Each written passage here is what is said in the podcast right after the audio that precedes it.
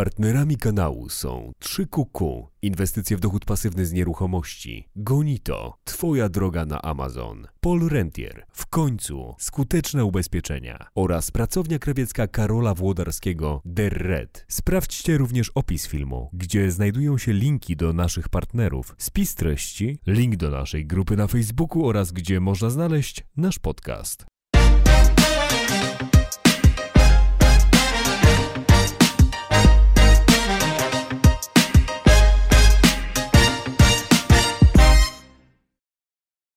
Standardowo na początek, Dawidzie, powiedz naszym widzom i słuchaczom, czym się zajmujesz.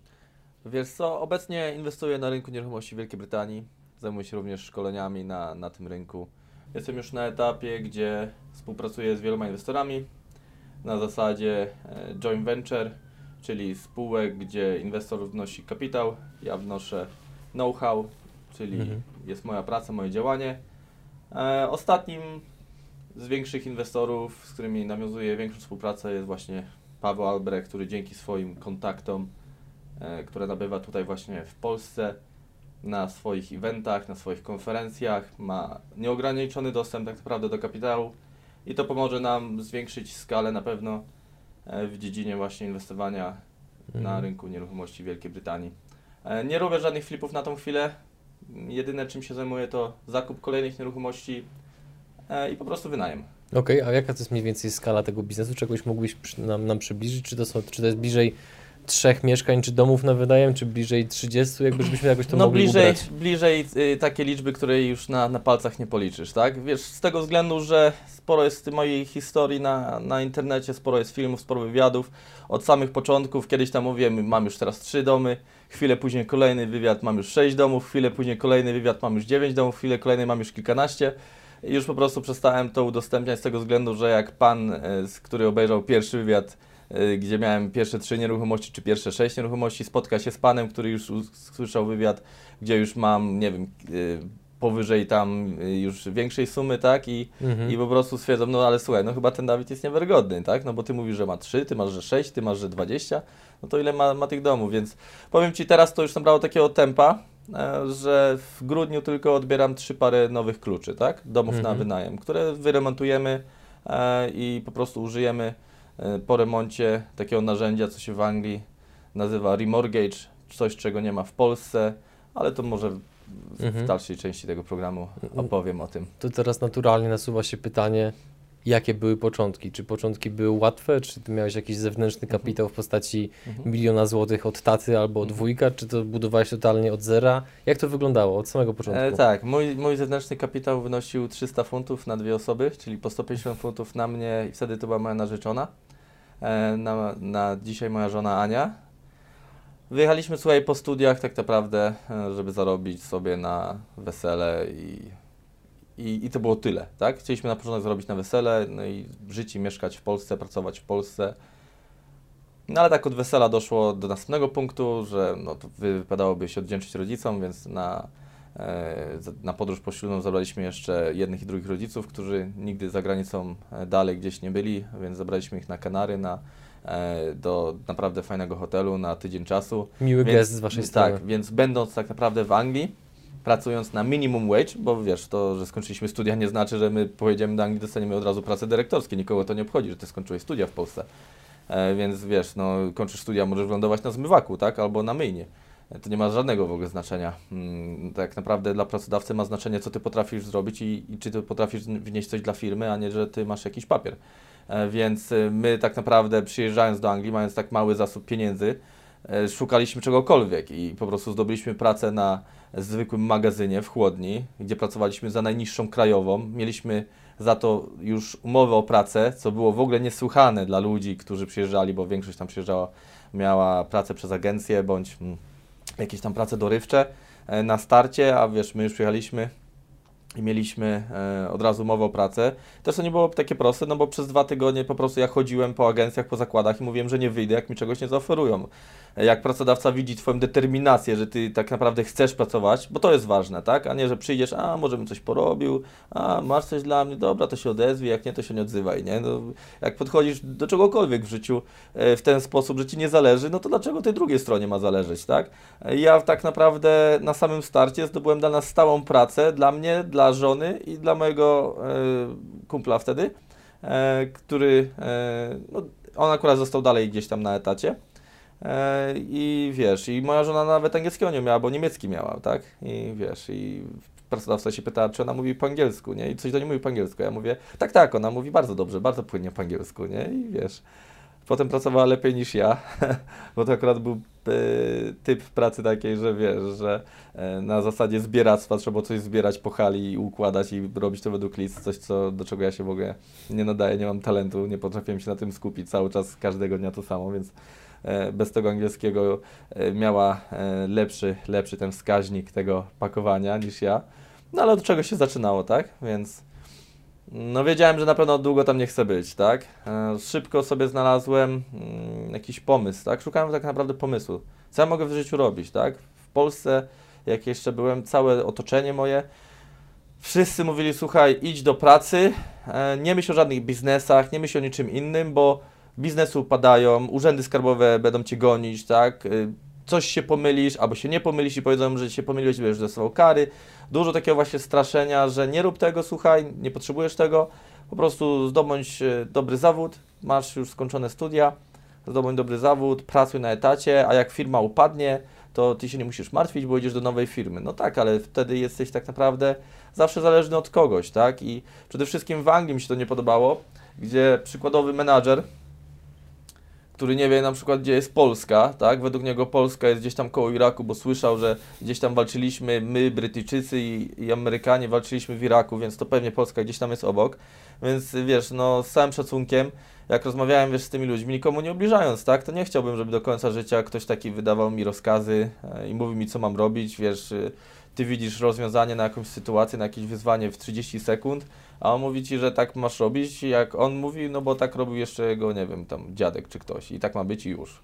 E, więc to tak trochę uwłaczające to by było zawsze i jak y, wiesz, jemu na przykład, nie wiem, nie poszedł dzień czy coś i się ktoś ma na tobie wyżywać i, e, i nie wiem, e, i no były różne sytuacje bardzo niekomfortowe, nie? Więc szczególnie w takich pracach, gdzie jest y, minimum wage.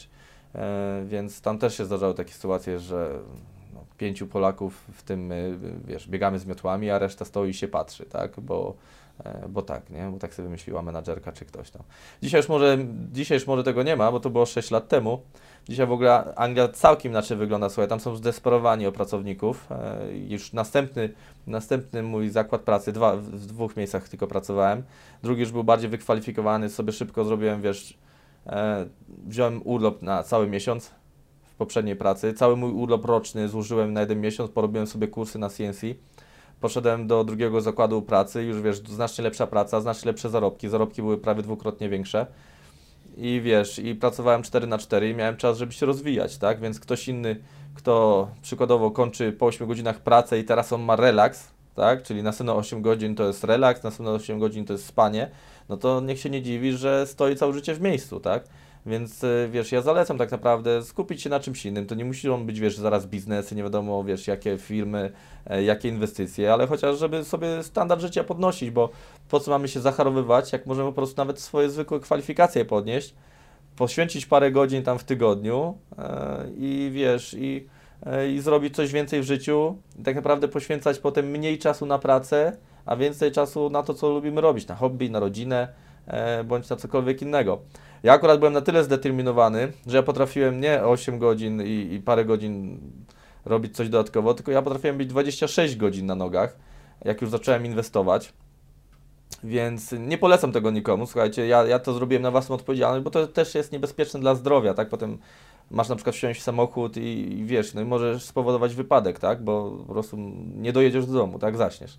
Więc ja tak naprawdę nikomu tego nie polecam, ale byłem po prostu tak zdeterminowany, miałem target, że ja chcę w dwa lata odejść z etatu, tak? Że jak zacząłem inwestować, nie chcę, nie chcę być dłużej na etacie i zrobię wszystko, żeby się z tego wyrwać jak najszybciej. No i ten target osiągnąłem w nie dwa lata, a dwa lata, jeden miesiąc, tak? Więc był target dwa lata, wyszło dwa lata, jeden miesiąc, więc tak naprawdę no jeden miesiąc było przesunięcia całkiem nieźle.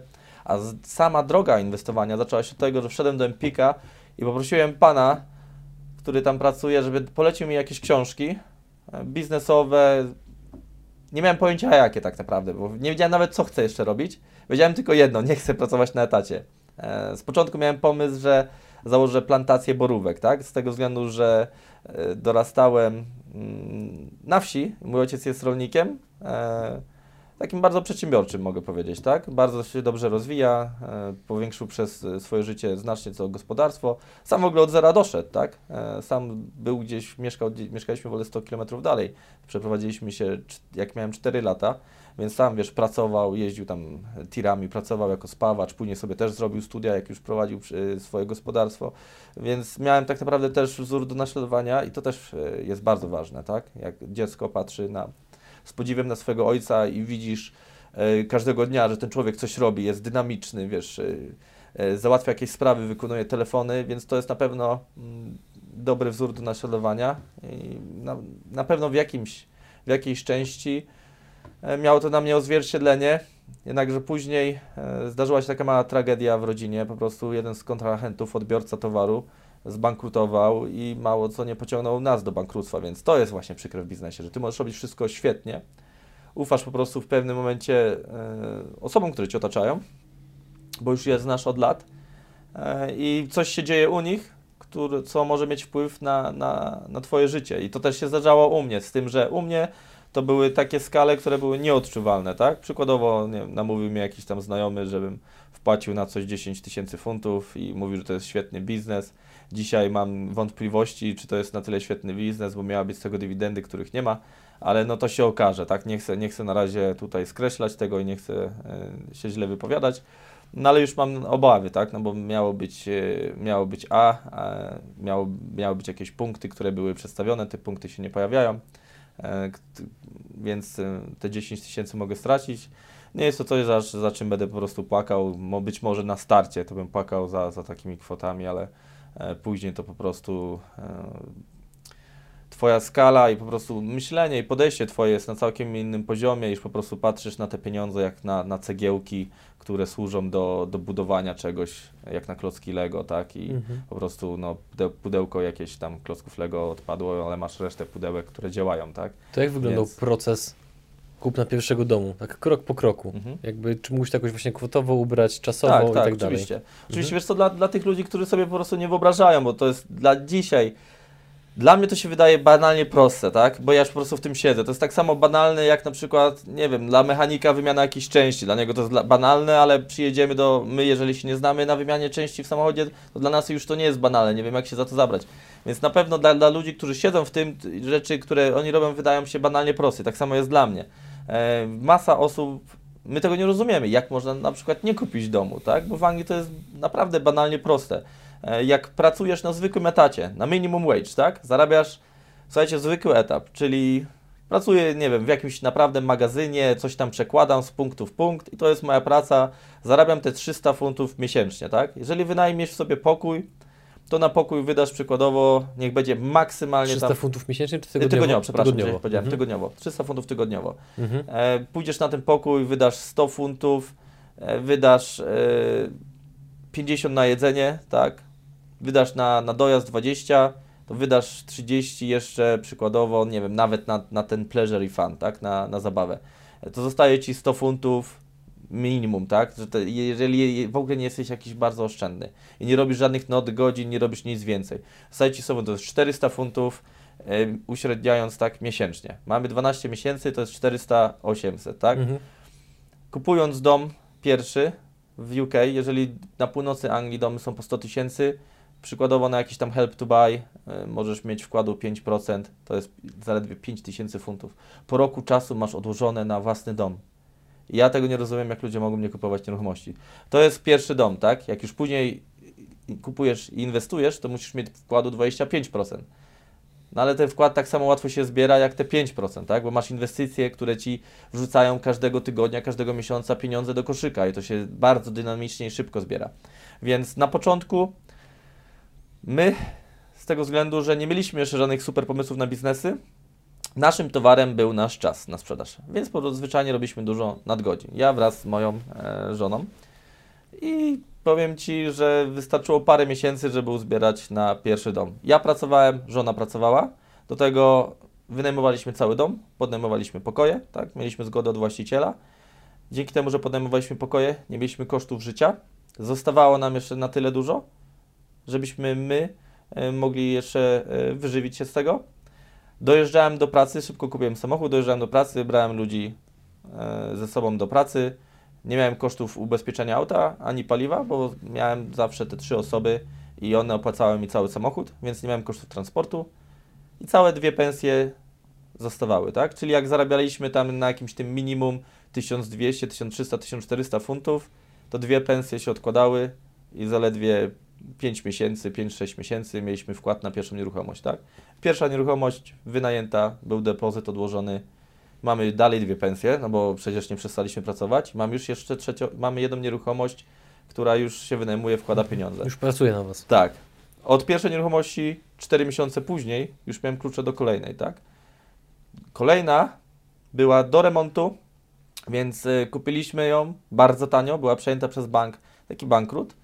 Bardzo tanio była w tej okolicy i w Anglii jest coś takiego, co się nazywa remortgage, czyli możesz rekredytować nieruchomość. Tutaj osoby staram się porównywać e, to, że gdzieś tam coś jest podobnego, ktoś tam mi mówi, że w Norwegii jest e, podobne, jak kupisz działkę, wybudujesz dom i wtedy pójdziesz po kredyt na ten dom. Nie, to nie, nie, nie o to chodzi, słuchaj.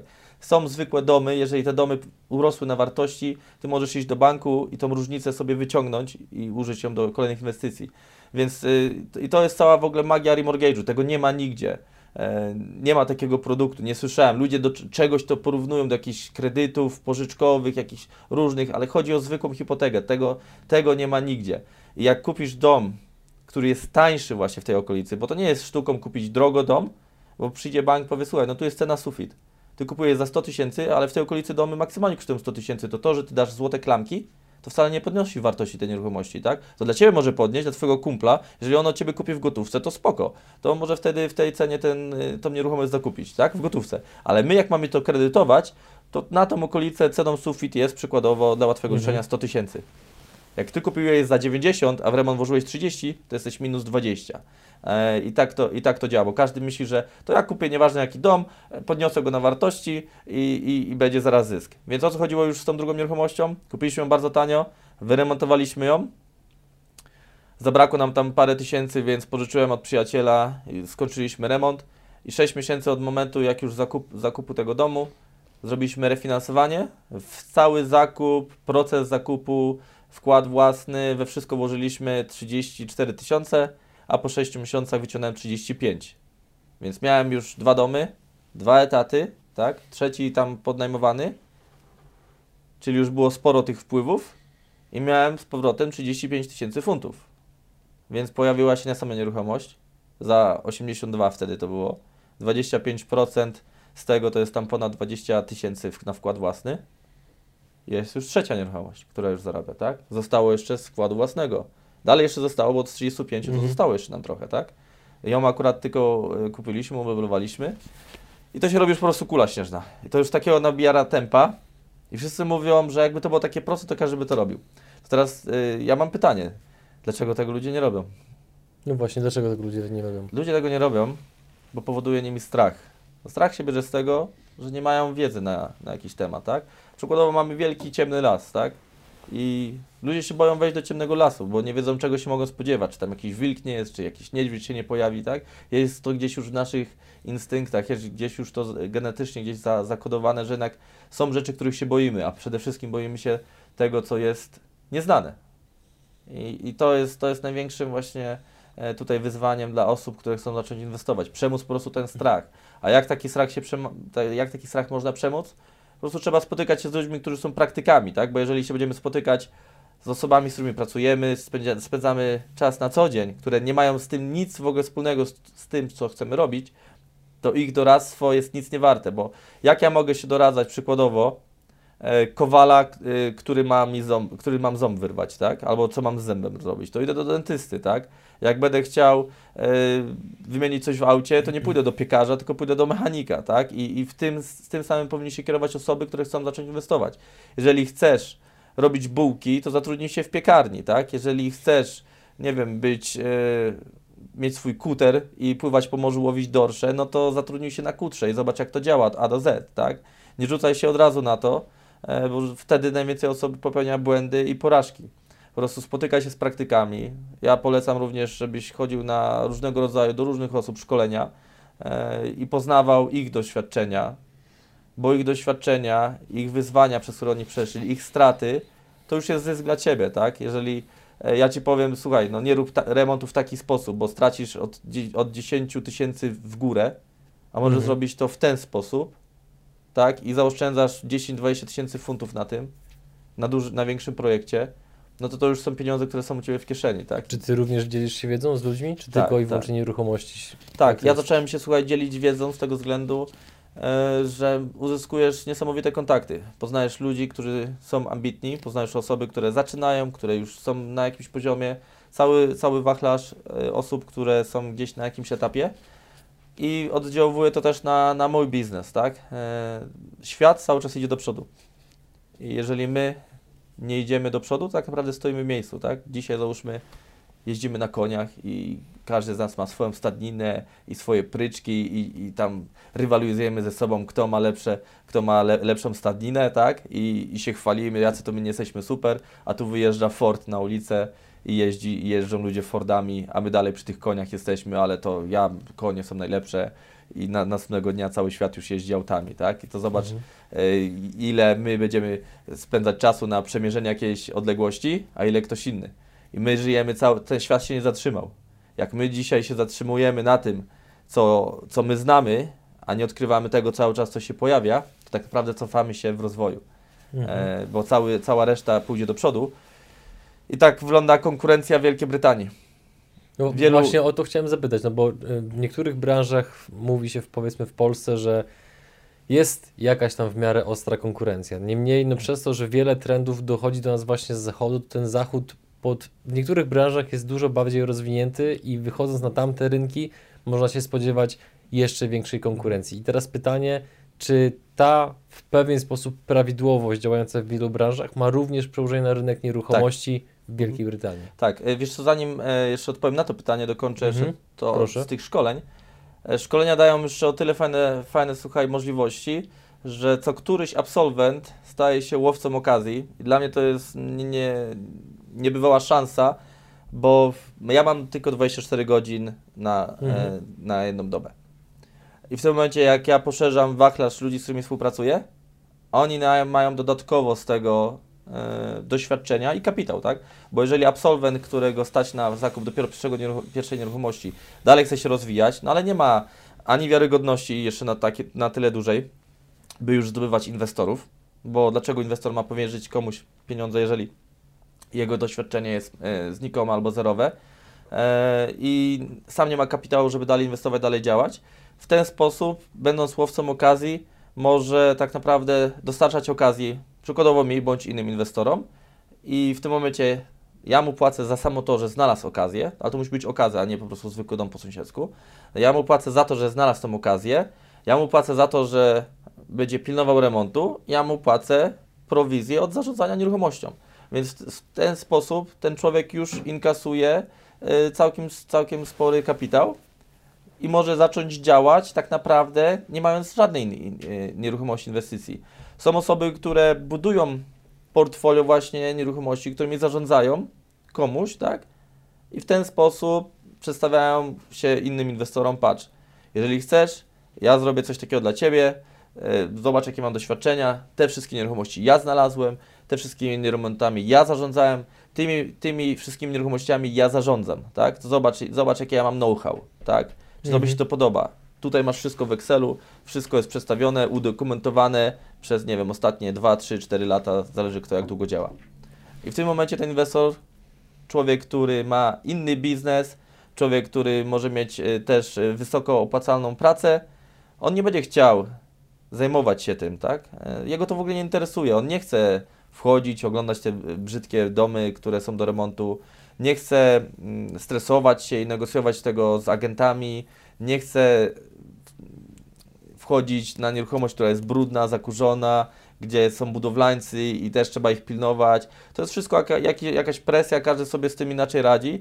Jest sporo ludzi, tak naprawdę ogrom ludzi, co mają duży kapitał i nie chcą tym się zajmować i to są osoby, które z chęcią powierzą e, tym ludziom e, pieniądze do działania, mhm. tak?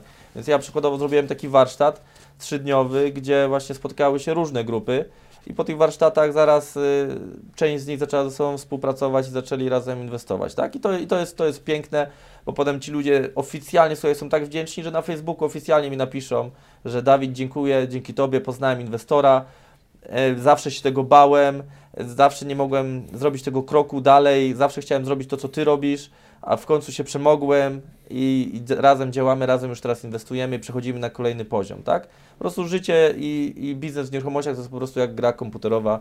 Jeżeli chcesz, wchodzisz na kolejne poziomy, jeżeli nie, zostajesz sobie na... To nie są wyścigi. Zostajesz sobie na tym, na którym jesteś, na którym jesteś szczęśliwym, tak? Ja jestem na tyle młody, że na pewno nie będę chciał siedzieć i nic nie robić, jak y, pojadę sobie na plażę, lazurowa woda, y, piękny, żółty, ciepły piasek, y, uginające się palmy. Po dziewięciu dniach ja już mam e, myśli, no nie chcę tu nikogo straszyć, no może nie zaraz samobójcze, ale jeszcze kolejne 9 dni to mógłbym depresję jakieś dostać, więc mi taki urlop 9 dni maksymalnie wystarcza, a ja już po prostu chcę wracać i działać. No właśnie, ile masz lat? 32. Mamy rok 2018, 32. No to rzeczywiście, jakby no, jak, jak na swój wiek osiągnąłeś już można powiedzieć bardzo dużo, jeżeli byśmy powiedzmy przyjęli jako taką skalę porównawczą, no to co ludzie przeżerują w tym wieku. Tak, tak. Tak, tak. tak. więc y, wracając do Twojego pytania. Konkurencja. Konkurencji. To jest, słuchajcie, świetne. To jest świetne. Ja lubię, wiesz, obserwować świat i to, co się dzieje dookoła mnie, to po prostu fascynuje. Y, I patrzę zawsze przyczyny, tak? Ja do ludzi, wiesz, jak z ludźmi rozmawiam, miałem takich absolwentów i mówią do mnie, no ale co będzie jak dom zniszczą mi lokatorzy, ale co będzie jak to, a co będzie jak tamto, a co będzie jak tamto i wiesz, i, i pełno obaw, pełno pytań. A ja mówię, słuchaj, ale to jest twoja wina. Ale jak to moja wina? Przecież ja tego nie zrobię, ja, oni wejdą, ja wszystko jest twoją winą, zawsze jest wszystko twoja wina. Ryba zawsze się psuje od głowy. To jest twoja wina, że nie sprawdziłeś lokatorów. To jest twoja wina, że zrobiłaś dom przykładowo w słabym standardzie i sprowadzasz ludzi, gdzie ich priorytetem jest cena, a nie jakość, tak? To będą osoby, które mogą nie dbać, tak? To jest Twoja wina, że nie sprawdziłaś tej osoby, zawsze jest Twoja wina. To jest Twoja wina, to Ty wybrałeś budowlańców, to jest Twoja wina, to jest Twoja wina, to jest zawsze Twoja wina. Jak w ten sposób podchodzisz do biznesu, że Ty jesteś za to wszystko odpowiedzialny, to Ty dobierasz wykonawców, to Ty dobrałeś lokatorów, tak? Bądź Ty dobrałeś zarządcę i Ty jego sprawdziłeś, czy on się nadaje do zarządzania tym nieruchomością, tak? Wiadomo, nie wszystkiego się sprawdzi, ale to zawsze Twoja jest wina. Jeżeli coś złego się dzieje, to, to od Ciebie zależy, czy Ty zadecydujesz i to zmienisz, tak? I jeżeli chodzi o tą konkurencję, e, no to powiem Ci szczerze, jeżeli chodzi o rynek nieruchomości i najmu w Anglii, to Anglicy myślą, że w Polsce, bo to jest według nich kraj tam biedniejszy, e, że ludzie to chyba mieszkają w jakichś szałasach i jaskiniach. Tacy, wiesz, no, konserwatywni tam bardzo Anglicy, którzy wiesz, nigdy w Polsce nie byli e, i sądzą, że no, no, jak u nich to wygląda tak, to, to u nas to musi jeszcze być gorzej, bo jakby nie było gorzej, to byśmy tam do pracy nie przyjeżdżali, tak? A to jedno z drugim nie ma tutaj żadnego powiązania. E, powiem Wam szczerze, no angielski standard życia to jest jeszcze taki II wojny światowej, tak? Więc wyobraźcie sobie, jakbyście mieszkali w domu dzisiaj z takiej II wojny światowej, w którym się nic nie zmieniło w Polsce nawet, tak? Czyli takim domu babciny, tak jak to kiedyś wyglądało za, za, za czasów wojny, tak oni do dzisiaj żyją. I to po prostu są, jak wyjdziecie na przykład na moją stronę Dovbush Property, to znajdziecie filmy, jak e, moi absolwenci kupują nieruchomości i wchodzimy na taką jedną ciekawą nieruchomość, gdzie łazienka, nie dość, że nie jest ob, o, o, obłożona płytkami, to była e, cała w wykładzinie, tak? Czyli podłoga była w łazience w wykładzinie, nawet wanna była obudowana w wykładzinie, no i taka łazienka z czasem zaczyna brzydko pachnieć, te deski pod tą wykładziną gniją i to jest, to, to, był, to jest na przykład standard taki w UK, tak? Że w łazience jest wykładzina. Ci, co już e, stać ich, to położą gumoleum, tak? Czyli taka tania guma i nie jak w Polsce, słuchaj, jak ja słyszę, że jak tutaj jest po prostu nierówno płytka położona, to trzeba skuwać łazienkę, bo nierówno płytki są czy coś, wiesz. No, w Anglii jak będą płytki, to to już jest luksus, tak? I no, mają ten standard znacznie niższy życia, znacznie, znacznie, znacznie niższy. No. Nie wiem, jak, jak tutaj słuchaczom to, do czego to porównać. Ale to jest trudne do wyobrażenia, że waluta jest kilka razy mocniejsza, no i przez to no, stać ich na więcej, Tak. a mimo to żyją w niższym standardzie, to jest jak, to, to jest jak, jak paradoks, nie? Tak, no żyją, żyją w bardzo niskim standardzie, wiesz, tam nie ma takiego, to jest trochę inna kultura, to nie jest tak jak w Polsce, że zapraszasz rodzinę, zapraszasz znajomych do domu, jesz wspólny obiad, więc ten dom musi być też piękny, bo w końcu życie się kręci wokół tego domu. Tam życie się kręci na zewnątrz, w pubie, w restauracji, na wycieczkach po świecie, tak? Czyli oni nie sprowadzają życia prywatnego, e, znaczy prywatne życie rodzinne tak, czyli ja, moja żona, moje dzieci, dom. Ale znajomi, e, przyjaciele, to wszystko jest poza domem. Mhm. Więc y, z tego względu też nie przykładają e, znaczenia. Jak ja byłem u menadżera mm, w domu, który zarabiał wielokrotnie więcej niż ja, będąc na etacie, to słuchaj, on mieszkał w takich warunkach, że w Polsce to by pewnie było w jakimś programie Dlaczego ja, tak? I, czy jakimś innym, nie wiem, jakieś takie tragiczne programy. Nie, nie oglądam, akurat telewizji nie mam, Mhm. e, ale pewnie w czymś takim by to, w czymś takim by to było. E, I słuchaj, no jak ty zrobisz tak naprawdę dom, gdzie masz ładnie pomalowane ściany, które nie są zwykłą magnolią, bo to wszystko tam w Anglii jest magnolia, e, wygląda to strasznie.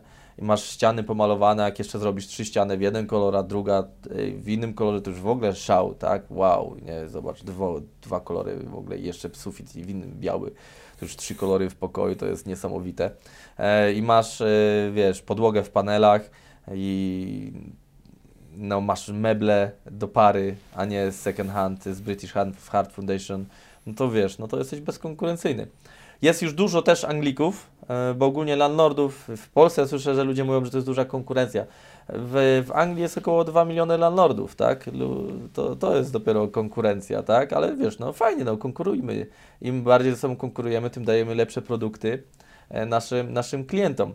Więc e, jest już coraz więcej tak naprawdę Anglików, którzy robi e, nieruchomości w naszym standardzie.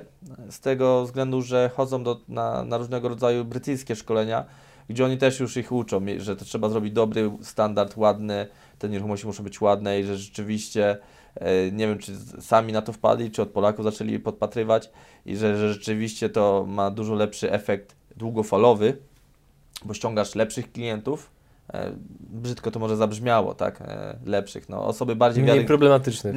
osoby bardziej wiarygodne. Mhm. E, ściągasz osoby bardziej wiarygodne, które płacą na czas, to jest raz, e, i dbają o nieruchomość, tak?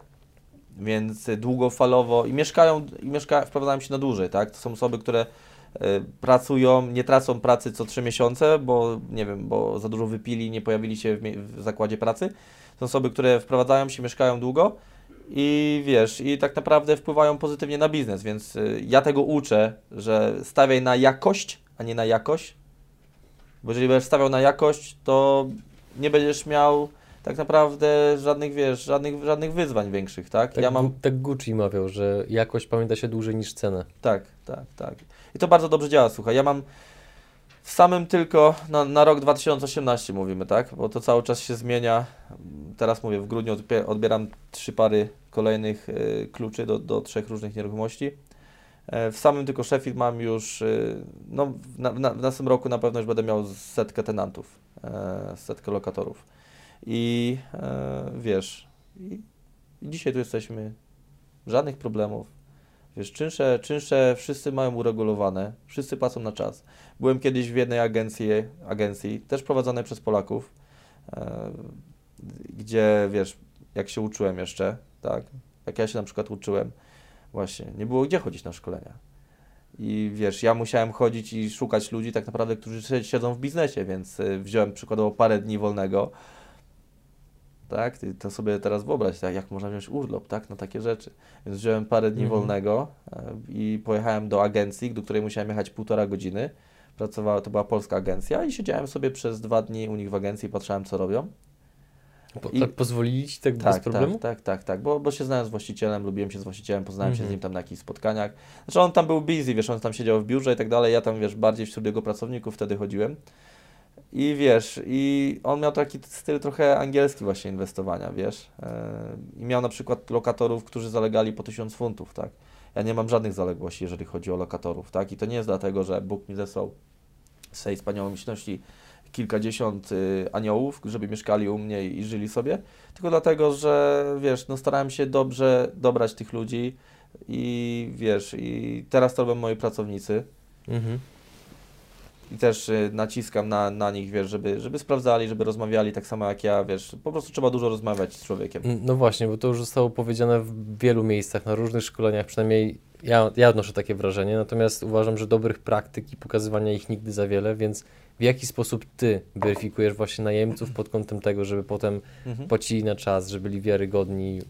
Wiesz co, nieproblematyczni. y, mówią mi się, wiesz, y, mówią, że generalnie nie powinno się ludzi oceniać y, po okładce, tak? Ale niestety w tym biznesie trzeba. Jeżeli przychodzi do Ciebie człowiek, który jest zainteresowany najmem, przychodzi, wiesz, w brudnych y, ubraniach, w obdartych butach, czujesz od niego piwsko i wiesz, i Ty już wiesz, że ta rozmowa donikąd nie zmierza, bo jak on przychodząc na pierwsze spotkanie, nie, nie okazuje Ci w ogóle szacunku w ten sposób, tak? Wiesz, no chce się wprowadzić do Twojego domu i przychodzi po prostu i przedstawia się jako, e, jako osoba, nie wiem, no, mająca problemy z alkoholem czy z innymi e, używkami, więc w ten sposób on y, traci Twoją wiarygodność na, na wejściu, tak? I cała masa ludzi wynajmie takiemu człowiekowi pokój, czy mieszkanie, czy dom, z tego względu, że on powie, że no bo ja mam pieniądze, tak? No, ma, ma, masz teraz pieniądze, dostałeś pracę, miesiąc pracuje i on już ma pieniądze, tak? Ale za drugi miesiąc może już tej pracy nie mieć. I to jest, wiesz, y, i to jest takie, wiesz, pierwsze, pierwsze wrażenie jest bardzo ważne. Później, wiesz, ja na przykład, jak ja jeszcze tym się zajmowałem, e, tam na początku jakiejś drogi i z tymi ludźmi spędzałem czas, to wiesz, to po prostu mówię, no to chodź pokażę Ci jeszcze parę nieruchomości i tak muszę na nie jechać, więc y, wsiadaj do auta i wiesz, po prostu rozmawiasz z człowiekiem, co lubisz, wiesz, starasz się być wyluzowanym, żeby on się po prostu otworzył przed Tobą, tak? Mówię, no, a wiesz, jak tam imprezki? No, wiadomo, wiesz, jak to jest, wiadomo, jest sobota i trzeba ziomków sprosić i wiesz, i robić jakąś bibkę, no to już wiesz, że nie chcesz tego człowieka u siebie, bo będzie balanga i, i, i wiesz, i będzie dom e, do góry nogami przerzucony.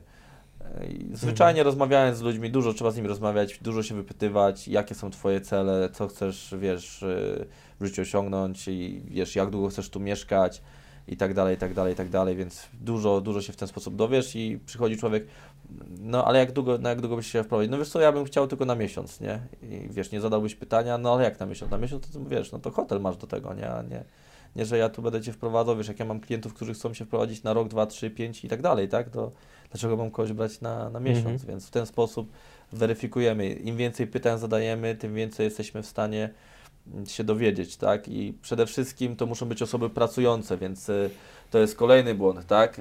Wiesz, y, dzisiaj żyjemy w takich czasach subkultury, że- powinniśmy wszystko tolerować, więc ja jestem jak najbardziej przeciwny temu, bo ja nie toleruję i to może się nie spodobać słuchaczom. e, Ja nie toleruję osób, które mają problemy z narkotykami, problemy z alkoholem i po prostu nie chcę ich mieć swoich nieruchomości. Wiesz, moją misją w życiu nie jest to, że ja będę nawracał alkoholików na to, że jest inna droga, od tego są inne instytucje. Ja, ja akurat nie, nie będę tego w życiu robił, tak? Mam inną, inną misję w swoim życiu i nie, nie wpuszczam ich na swoje nieruchomości, tak? Widziałem, słuchaj, całe portfolia Anglików, którzy mieli wyremontowane domy i tak w Anglii tak, są tak zwani DSS, tak? Czyli są to osoby, które są tam na socjalu i dostają pieniądze i te pieniądze idą na narkotyki i alkohol, tak? I widziałem domy, e, kiedyś właśnie Anglicy chcieli, żebym wziął w domy zarządzania, w ogóle nie robię zarządzania, nie chcę nikomu robić zarządzania i nie będę robił zarządzania, tak? To tak, tak, tutaj też dla sprostowania, bo co chwilę też ktoś mnie pyta, czy jak kupi dom, czy ja będę mu tym zarządzał, odpowiedź jest nie. Dlaczego? E, dlatego, że ja lubię mieć kontrolę na nieruchomościach. Jak jest y, przykładowo problem z piecem, em, bo właściciel ma stary piec i trzeba wymienić piec, przykładowo koszt 1200 funtów, to ja nie chcę z nikim dyskutować i nie chcę czekać na to, że mi ludzie w domu zamarzną i wiesz, i robić dochodzenia, a to wyślij może gasmana, wyślij, niech sprawdzi co jest, a może da coś naprawić za 100-200 funtów. I wiesz, nie chcę w ogóle w takie rzeczy się bawić, że będę się pytał, czy mogę coś naprawić, czy nie i robił, wiesz, dokumentacji i, i nie wiadomo jakiego dochodzenia, wiesz, jak jest po prostu, ja, ja działam tak, jest, y, powstaje jakieś wyzwanie, jest na to rozwiązanie, to trzeba to stosować od razu, a nie czekać, tak, bo czas tutaj gra na naszą niekorzyść. I słuchaj, i gdybym ja miał podejście właśnie tako e, angielsko-azjatyckie, to niektóre z tych domów, e, które zakupiłem, były po angielskim remoncie, to dzisiaj, będę szczery, to byłyby ruiny, tak? Bo tam po prostu przez okres paru lat wszystko zaczy, za, e, zaczynało, wiesz, dogorywać, tak? Zaczynało coś odpadać, gdzieś tam podpadały dachówki, gdzieś tam rynny, gdzieś, wiesz, jak nie ma, e, nie jest dach szczelny, to gdzieś tam woda cieknie, pojawia się grzyb na ścianach i wiesz, i wyobraź sobie, że masa ludzi w ogóle nie reaguje na takie rzeczy. Zostawiają to, nie? Wiesz, myślą, że lokator to, wiesz, e, e, wiesz, zrobi, naprawi, czy cokolwiek z tym zrobi, słuchaj, i to jest masa ludzi, słuchaj, nawet znam niektórych polskich inwestorów, którzy mają już też po 30 domów i wiesz, i robią dokładnie to samo, słuchaj, i mają problemy, że nie, że wynajem jest zły. Ty jesteś, słuchaj, problemem, ty, bo nie dbasz o te nieruchomości, wiesz, kupiłeś się raz, wiesz, powstał problem, którego ty nie rozwiązujesz i to ty, ty jesteś winny, słuchaj, temu, wiesz, dlatego ja cały czas mówię, my y, zacznijmy od siebie, słuchaj, że jeżeli coś nie działa u nas, to czy ja zrobiłem wszystko tak, jak powinienem, tak? Czy ja, czy, czy ja zrobiłem to dobrze, tak? Więc y, nawet wiesz, kwestia zaufania wspólnikowi, czy ja dobrałem dobrego wspólnika. E, wiesz, ja nie mówię, że jestem święty, też błędy popełniałem, ale nie idę, wiesz, do, nie chodzę dookoła i nie obwiniam wszystkich ludzi dookoła, tak? Bo e, ja podejmowałem Mhm. koniec końców decyzję. To a propos tych błędów, co to były za błędy biznesowe? Wiesz co? E, przede wszystkim taka lekcja życiowa, do której ja się stosuję. Najpierw Twoje nazwisko, Twoja marka, tak? Bo to jest z Tobą na całe życie. Nie pieniądze, nigdy pieniądze. Ja widzę, masa ludzi popełnia ten błąd, że ryzykują swoim imieniem, nazwiskiem i marką dla pieniędzy. Więc jak ja widzę, że jest zagrożenie, gdzie moja marka, moje nazwisko może ucierpieć, to ja odchodzę od tematu. I miałem taką sytuację, mm, jeżeli ta osoba będzie słuchała, no to mm, mogę ją jedynie przeprosić, że takie, ma, takie wyrobiłem sobie zdanie, może weźmie to do siebie. Miałem, słuchaj, taką sytuację, mm, gdzie budowlaniec, słuchaj, człowiek bardzo, wiesz, też na poziomie, tak? Fajny gościu na poziomie, e, wiesz, taki, z którym się nie, w ogóle nie wstydzisz pokazać, tak? Zawsze, wiesz, elokwentny, e, po szkole budowlanej, mający swoją firmę, mający swoją hurtownię budowlaną, zaoferował mi współpracę i słuchaj, na wekselach to wyglądało pięknie. Każdy mój projekt, na każdym projekcie bym miał od, od 10 do kilkudziesięciu tysięcy więcej funtów, w zależności od skali projektu, więcej dla, dla spółki, tak? E, Bo on dawał tanie materiały, które on sprowadzał do swojej hurtowni i, i wiesz, i labor, tak? Czyli y, pracę swoich pracowników, e, wiesz, po kosztach ich godzinowych, tak? Więc y, każdy projekt wyglądał pięknie. No ale jak ja z nim pojeździłem po klientach, z których on obsługiwał i widziałem, co on robił po prostu, no oszukiwał ich. Oszukiwał swoich klientów i bardzo mi się to nie spodobało. Brał na przykład pieniądze i pojawiała się inna praca, nie kończył komuś y, zlecenia, a pieniądze już miał wzięte za zlecenie. Dawał, słuchaj, e, terminy. Ja mówię, stary, no wiesz co, jak ty się wyrobisz w tym terminie? To ja wiem, nie jestem tak doświadczony jak ty, że nie ma szans, żebyś ty co robił w tym terminie. E, to jest za krótko. To- nie jest praca na 4 tygodnie, tylko na, na 8 tygodni. Wiesz, ja to tak widzę. I wiesz, dawał na przykład komuś termin 4 tygodnie po to, żeby złapać pracę, tak? Że, a wiesz, jak już go złapiesz, dajesz lepsze terminy, to jak już go złapiesz, to już, to już jest klient, więc bardzo takie zagrywki, wiesz, ja go od tej strony nie znałem, bo był dla mnie zleceniobiorcą i dla mnie, wiesz, bardzo on się starał, robił mi naprawdę ładne remonty.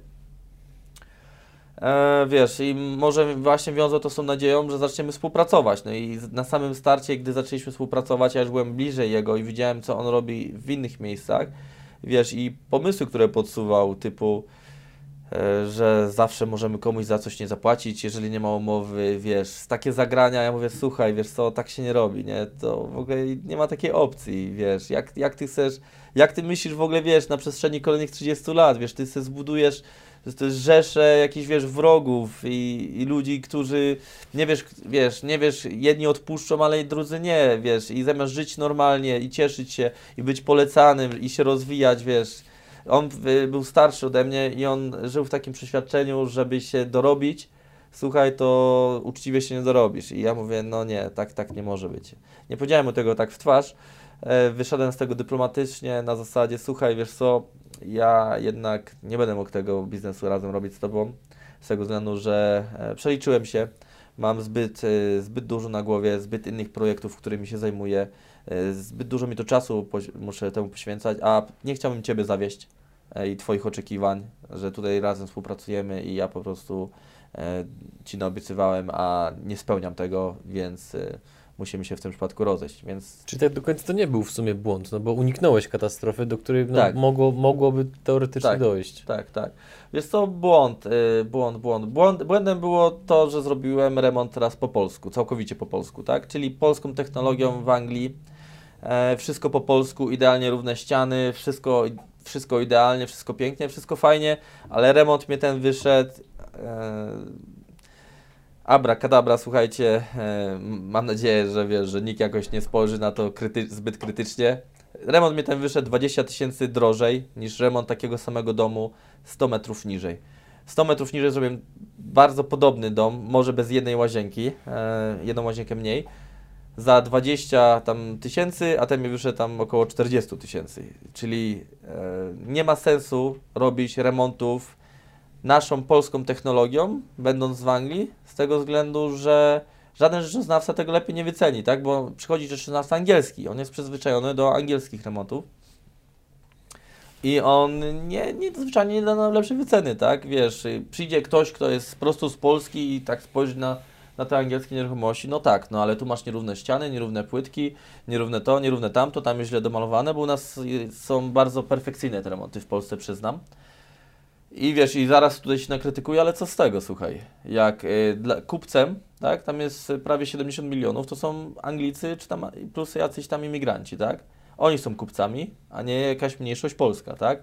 Wy, y, osobami, które wyceniają tę nieruchomość, też są rodo, rodowicy, mieszkańcy, więc to powinniśmy pod nich celować, a nie pod nas, pod naszą mniejszość, tak? Więc, y, e, więc to jest duży, duży błąd, tak? Jest całkiem inna technologia robienia remontów. Tam używałem takich materiałów, których na przykładowo taki multifinish do wykończenia ścian, coś czego nie ma w Polsce, więc to jest bardzo szybkie, e, tanie, e, bardzo mocne, ale nie jest prz- przepięknie równe, nie? Więc y, będą jakieś przykładowo nierówności, jakieś fale, tak? I wiesz, i w Polsce ludzie chodzą z latarkami, sprawdzają, tam w ogóle czegoś takiego nie znają, jak to, wiesz, no, jest ściana, jest, ściana, jest czysta, jest odmalowana, nie ma dziur, nie ma dziur i jest Mhm. okej, nie?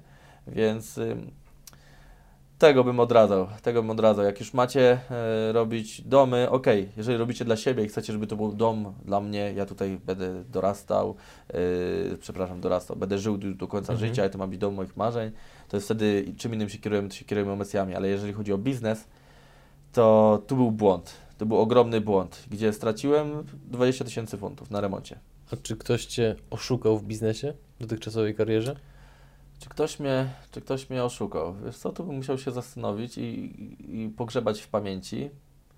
Wiesz co, nie, nie, nie przypominam sobie, nie, nie przypominam sobie, żeby ktoś mnie oszukał. Ciężko, ciężko mi powiedzieć. Zależy, co, co możesz brać pod, pod to słowo, słuchaj, no bo jeżeli mam brać pod oszustwo to, że zainwestowałem gdzieś tam 10 tysięcy, ale czy to było oszustwo, no tutaj bym takich mocnych słów nie użył, Mhm. bo pewnie ta osoba, która chciała, żebym tam zainwestował, sama w to wierzyła, więc e, nie, nie nazwałbym jej tutaj oszustem. Mhm.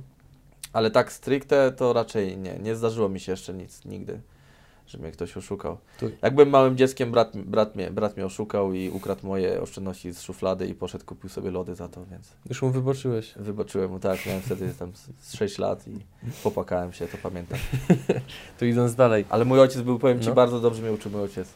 E, No. nie, oddał, nie oddał mi tych oszczędności, które brat mi za, e, zakonfiskował. Mhm. E, miałem tam jeszcze parę, parę złotych i po prostu pojechałem do sklepu, kupiliśmy safe za moje pieniądze, za dzieciaka pieniądze i dał mi safe, dał mi klucz, mówi teraz sobie pilnuj swoich oszczędności, nie? Czyli nie było czegoś takiego, jak wiesz, tak jak ludzie są nauczeni, że zawsze państwo nam pomaga, czy ktoś inny nam pomaga, jakaś magiczna dłoń przychodzi, no, oni się nie musimy w życiu martwić, tak? I zawsze ktoś nam pomoże, bo to, to jest tak naprawdę złe, e, bo człowiek e, nie uczy polegać na, na, na sobie, na swoich, słuchaj, e, możliwościach, tylko zawsze myśli, a ktoś mi pomoże, tak?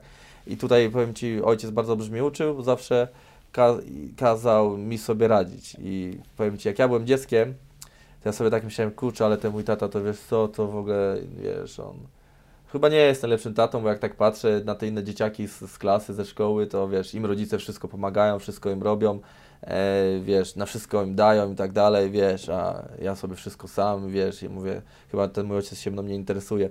A po czasie, jak nawet na studia poszedłem, to tak wyśrubowali mi, słuchaj, ja powiedziałem, że ja chcę iść na zaoczne, e, że mógł pracować i żyć. Powiedzieli nie, mama sobie tak moja wymyśliła, że koniecznie ma być na dziennych. To jej, jej, nie, nie będę tutaj dyskutował co lepsze, co gorsze. Też tu przerabiałem. E, Mi się wydaje, że lepsze może by były zaoczne, jakbym już, wiesz, miał kontakt z pracą, czy z czymś, z biznesem i tak dalej przez okres studiów, ale to jest moje prywatne zdanie. Ja tutaj nie chcę być, wiesz, y, wyrocznią, co jest tak naprawdę dobre, a co złe. Tak, to jest po prostu historia, fakty takie były.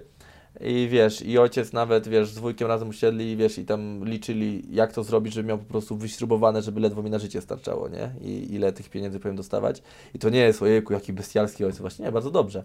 Bo mnie to, ja byłem tak zmotywowany, że od razu w pierwsze wakacje pojecha, poje, do, do Mielna pojechałem, słuchaj, jako kelner i pracowałem jako kelner, słuchaj, miałem całkiem fajne napiwki, ale tak, y, z pracy to starczało nam na opłacenie e, w Mielnie jakiegoś tam lokum, jakiegoś pokoiku, więc wszystko, co zrobiliśmy na godziny, to szło na życie, e, a na studia odkładało się z napiwków. No i po pierwszych wakacjach ja się od razu wyleczyłem od tego, od prac sezonowych w Polsce już e, drugie wakacje byłem tak zdeterminowany, żeby gdziekolwiek za granicą pracować i po prostu szukałem, pytałem ludzi, wszystkim mówiłem, jadę za granicę, jadę za granicę. E, Teściowa jeszcze się wtedy śmiała, tak, tak, już pojedziesz i, i się zdziwiła, jak dwa tygodnie przed y, prosiliśmy, żeby pieniądze pożyczyć na, na autobus, i bo jedziemy do Anglii. I też oczywiście pracy nie było, ogromny stres, w gazetach gdzieś tam się szukało tej pracy, e, Mhm. ale tak jak mówię, jak człowiek jest zdeterminowany i po prostu działa, to, to jest po prostu statystyka i kwestia czasu, że, że co byśmy w życiu nie robili, to to się uda, tak? To wszystko Mhm. w życiu od nas zależy, od determinacji, nie od tego, czy jesteśmy super inteligentni, czy jesteśmy geniuszami, tylko od naszego zawzięcia i determinacji, tak? Słuchaj, ja znam całą masę osób e, ze szkół, ze studiów, które były wybitne, jeżeli chodzi o naukę w szkole, tak?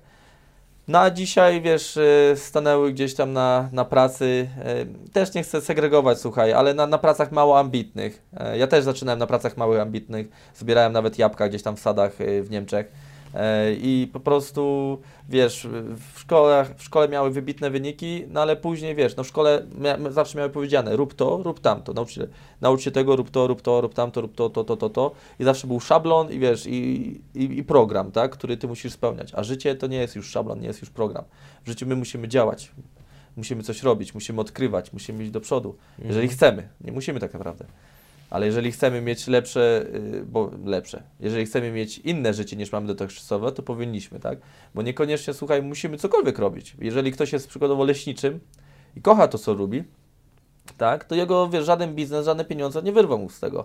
On ma swój domek w lesie Prawda. i on kocha to, słuchaj, wyjdzie rano, znowu widzi, o, jest, jest bany, jest ta sarejka, jest, wiesz, jest y, jakiś tam króliczek, którego on tam poznaje, są te drzewka, o, tutaj te, te dęby zasadziłem 10 lat temu, ale piękne rosną. I wiesz, i patrzy, czy się kornik pojawia, czy coś innego i on tym żyje po prostu. Żyje Każdy z nas jakby ma Tak. swoje życie, indywidualne podejście. Więc, dokładnie. I powiedz mi, powiedziałeś o tym, Wiesz co, bo tu chcę dokończyć, bo Proszę. dużo osób y, do mnie Mhm. przyjdzie i, i krytykują bądź segregują innych. Y, Te, tego się nie powinno robić, bo nie wiesz, kto jakie ma potrzeby i dokładnie, nikt nie powinien żyć według jakiegoś schematu. Każdy powinien żyć według swojego schematu i żyć tak, żeby być po prostu szczęśliwym. Więc to może być, no, wiesz, praca na etacie, cokolwiek. To może być, wiesz, praca w Biedronce na kasie, ale mam, wiesz, pracuję ze mną, nie wiem, w tej Biedronce trzy moje koleżanki, bardzo się lubimy, w weekend się spotykamy, robimy wspólnego grilla, dzieci przychodzą, rodzina i wszyscy są szczęśliwi. Chodzi o to, żeby w życiu być szczęśliwym, a nie o to, żeby mieć y, jak największe biznesy, jak najwięcej pieniędzy. Jeżeli kogoś y, cieszy robienie biznesu, no to niech robi biznes. Jeżeli kogoś cieszy y, praca jako drwal, niech robi, wiesz, pracę jako drwal. Ważne jest to, żebyśmy w życiu byli tym, kim chcemy i żebyśmy byli szczęśliwi. Więc jeżeli jesteśmy nieszczęśliwi, a uważamy, że będziemy szczęśliwi będąc y, tutaj, albo ma, mając wolność finansową przykładowo z dochodu pasywnego z nieruchomości i wtedy się poświęcę, nie wiem, malarstwu czy czemukolwiek innemu, no to wtedy musimy działać, tak? Więc y, nie siedźmy, jeżeli jesteśmy nieszczęśliwi, tylko zmieniajmy to życie tylko i wyłącznie, kiedy jesteśmy nieszczęśliwi. Jeżeli jesteśmy szczęśliwi, no to o to chodzi właśnie, tak? Żeby przejść przez życie szczęśliwym. jak zarządzasz mentalnie odrzuceniem? Pytam dlatego, ponieważ Mhm. y, teraz poruszyłeś wątek tego, że jeżeli ktoś powiedzmy jest w miejscu, w którym czuje, że jednak nie powinien być i wewnętrznie ma potrzeby pewnej zmiany, to często jest tak, że to nasze najbliższe otoczenie nas trzyma w takich pewnych ramach i nie, nie pozwala nam z tego wyjść, być może zniechęcając nas że, że to jest niebezpieczne, że to się nie uda, że to jest nieopłacalne. Każdy z nas te wszystkie zdarzenia z rzeczywistością Tak. e, jakby przerabiał, czy to w kontekście znajomych, rodziny, czy innych osób. I pytanie, jak to było u Ciebie z ludźmi, którzy nie okazywali, powiedzmy, wsparcia Twoim pomysłom bądź dążeniom Mhm. i w jaki sposób sobie z tym radziłeś? Więc tak, e, wiesz co, e, dzisiaj, dzisiaj wiesz, e, no jestem na całkiem innym poziomie i dzisiaj e, emocjonalnie praktycznie to na mnie e, nie ma żadnego oddziaływania, ale kiedyś jeszcze, wiesz, zaraz przykładowo po studiach bądź wcześniej, no to rzeczywiście mm, człowiek ciężko sobie radził z tym emocjonalnie, wiesz, myślał o tym dniami, tygodniami.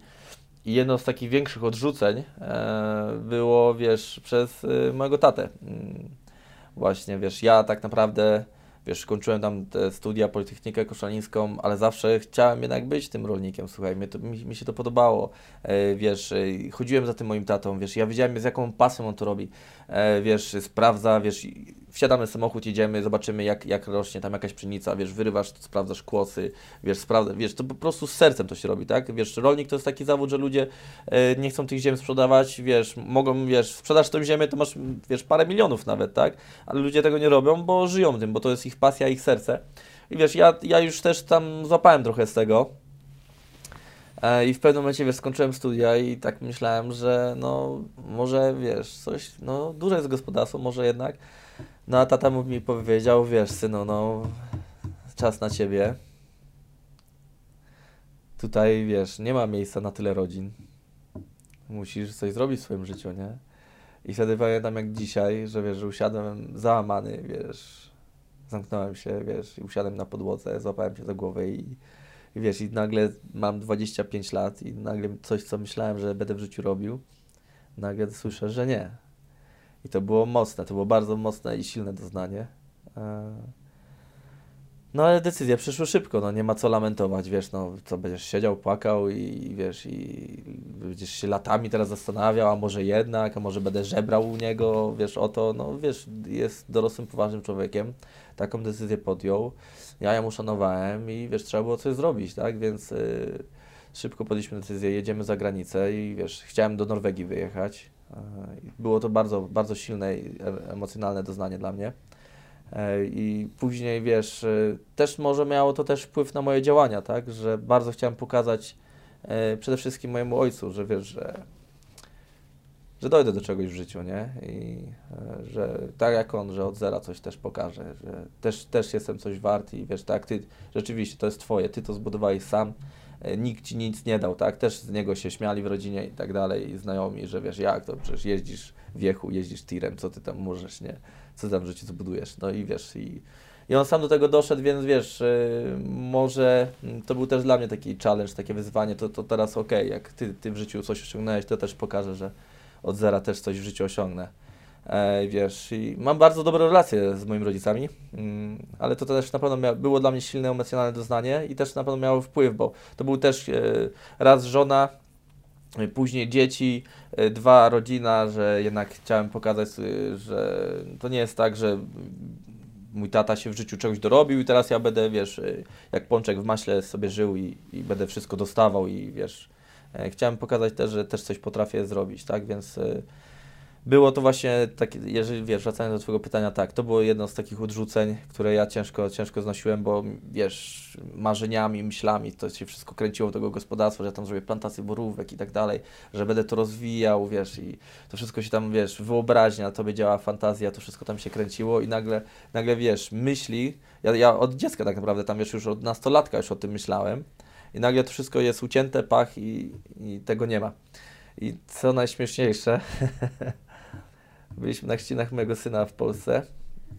No i wiesz, i e, już tam po, e, po networkingu, tak, tak powiem, po networkingu stoi mój e, tata z od żony, teściu, i mój ojciec, i wiesz, i, i teściu się pyta, no to Wiesiek, no to jak tam, no to kto będzie e, zarządzał gospodarstwem teraz, nie? Jak tam, wiesz, no już wiek, wiek przybywa nam lat, nie? No to wiesz, tata odpowiedział, no jak to kto? No Dawid przyjedzie z Anglii. ja po prostu tak się zacząłem śmiać, wiesz, y, że zacząłem się śmiać nie dlatego, że wiesz, że to było głupie czy coś, tylko to nie, się nie to było śmieszne, tak, że to się wszystko odwróciło. Tak zareagowałem, że po prostu zacząłem się śmiać, no i mówię, no nie, no nie ma szans. Ja już się tak w Anglii rozwinąłem, słuchaj, że to już ma taką skalę, że taki rozpęd, że jakbym po prostu wrócił na to gospodarstwo, z całym szacunkiem dla mojego taty, ale to ja bym się cofnął. Zamiast pójść do przodu, to już bym się Mhm. naprawdę sporo cofnął. E, Co nie znaczy, że wiesz, mój ojciec też sobie na swoją skalę rozwinął e, to gospodarstwo, no ale ja już ja odkryłem inne rzeczy, których on nie odkrył, czyli na, przykład na, jak, jak powiększać swój biznes, jak skalować, e, jak pozyskiwać kapitał, inwestorów, więc ja poszedłem w całkiem, wiesz, inne rzeczy, może dzięki temu XXI wiekowi, tak, że jest internet i mamy dojście do ludzi, jest też e, inne są możliwości, których może oni wtedy nie mieli, nie wiem, e, nie działałem w ich czasach, e, ale jednak, e, więc no ja już osiągnąłem trochę inną skalę, więc dla mnie, no dla, dlaczego ja mam, wiesz, się, Mhm. się cofać, tak, i już tak naprawdę moja pasja już jest wokół nieruchomości, już wiesz, już wyleczyłem się z tamtego, już wiesz, i e, zaprogramowałem się na coś, na coś innego i na tym się skupiłem, staram się robić to jak najlepiej potrafię. No właśnie, wchodząc w nieruchomości, to czy zdarzyłeś się z czymś takim, że ktoś ci mówił, a, a ty, ty jeszcze nic nie wiesz, jesteś początkujący, jest duża konkurencja, 2 miliony landlordów, czego ty w Oczywiście. ogóle szukasz, jakby masz kilkaset funtów oszczędności, a chcesz w to wejść, no gdzie masz rozum? czy było tak, coś takiego? Tak, tak, śmiali się, dużo osób się śmiała. E, Też moi absolwenci mają z tym problem, słuchaj, że nagle rodzina ich zaczyna, niektórzy w rodzinie, nie mówię, że wszyscy. E, powiem Ci, jeżeli chodzi, e, wróca, wracając do rodziny, też nie chcę klasyfikować, ale w moich odczuciach, moja rodzina od strony mojej, mojej mamy i mojego taty, bardzo pozytywnie, słuchaj. Nie słyszałem nigdy złego słowa, ani złego komentarza, wręcz odwrotnie, bardzo pozytywnie, słuchaj. Nikt, nikt się źle nie wypowiedział. Nieco gorzej było od strony mojej żony, wiesz, i nawet tam, no nie, nie, nie, wiesz, ktoś może potem tego słuchać, nie, ale było, było parę osób, e, które się zwyczajnie śmiały z nas, że o, wyjechali po studiach, wiesz, i nazywały nas, wiesz, brzydko mówiąc, wiesz, kolokwialnie, wiesz, robole po studiach, wyjechali, wiesz, chcą tam coś inwestować, wiesz, i nabijali się, zwyczajnie nas nabijali się i to było przykre, jak przyjeżdżałeś, wiesz, i ja bardzo przez jakiś okres czasu nie lubiłem po wszystkich y, od strony mojej żony jeździć, bo to nie jest przyjemne, ja nie muszę tego słuchać, to wiesz, to są twoje, zatrzymaj to dla siebie, ja tego nie muszę wiedzieć, mi, mi to do szczęścia nie jest potrzebne, twoja opinia, że ty się ze mnie śmiejesz, nie, no to śmiej Mhm. się, słuchaj, weź sobie drinka, postaw sobie moje zdjęcie i się śmiej przez tydzień, miesiąc, rok i bądź szczęśliwy, że daje ci to szczęście, no to cieszę się, że, że tyle szczęścia ci mogłem dać, tak? I, i się śmiej ile, ile, ile, ile chcesz. Ale tak, było, było tego, słuchaj, że, że się nabijali, śmiali się. E, były osoby, zanim kupiliśmy pierwszą nieruchomość, które poznaliśmy w Anglii, że też się nabijali, jak e, ja zakupowałem pierwszą nieruchomość, były tam, słuchaj, mm, wyzwanie typu właścicielka tego domu, która miała się wyprowadzić zaraz, a wyprowadzała się pół roku, e, więc e, e, zakup był w momencie, gdy się wyprowadziła, no ale ta wyprowadzka jej bardzo długo trwała, aż w końcu jej powiedziałem, że ja chyba zrezygnuję.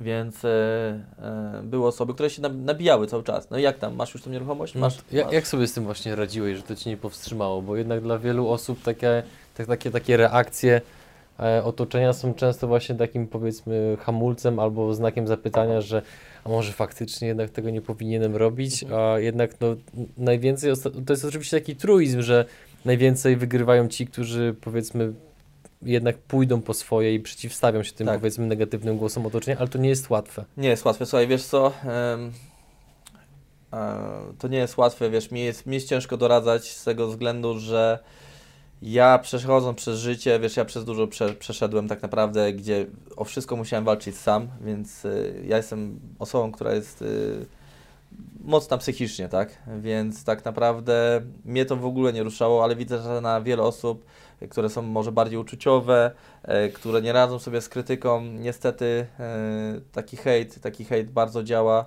e, demotywująco i no jedyna rada jest taka, żeby po prostu się tym nie przejmować, wiesz, że to są osoby, które się śmieją z nas, e, nie kibicują nam, one nie chcą, żebyśmy my wyszli przed szereg, tak?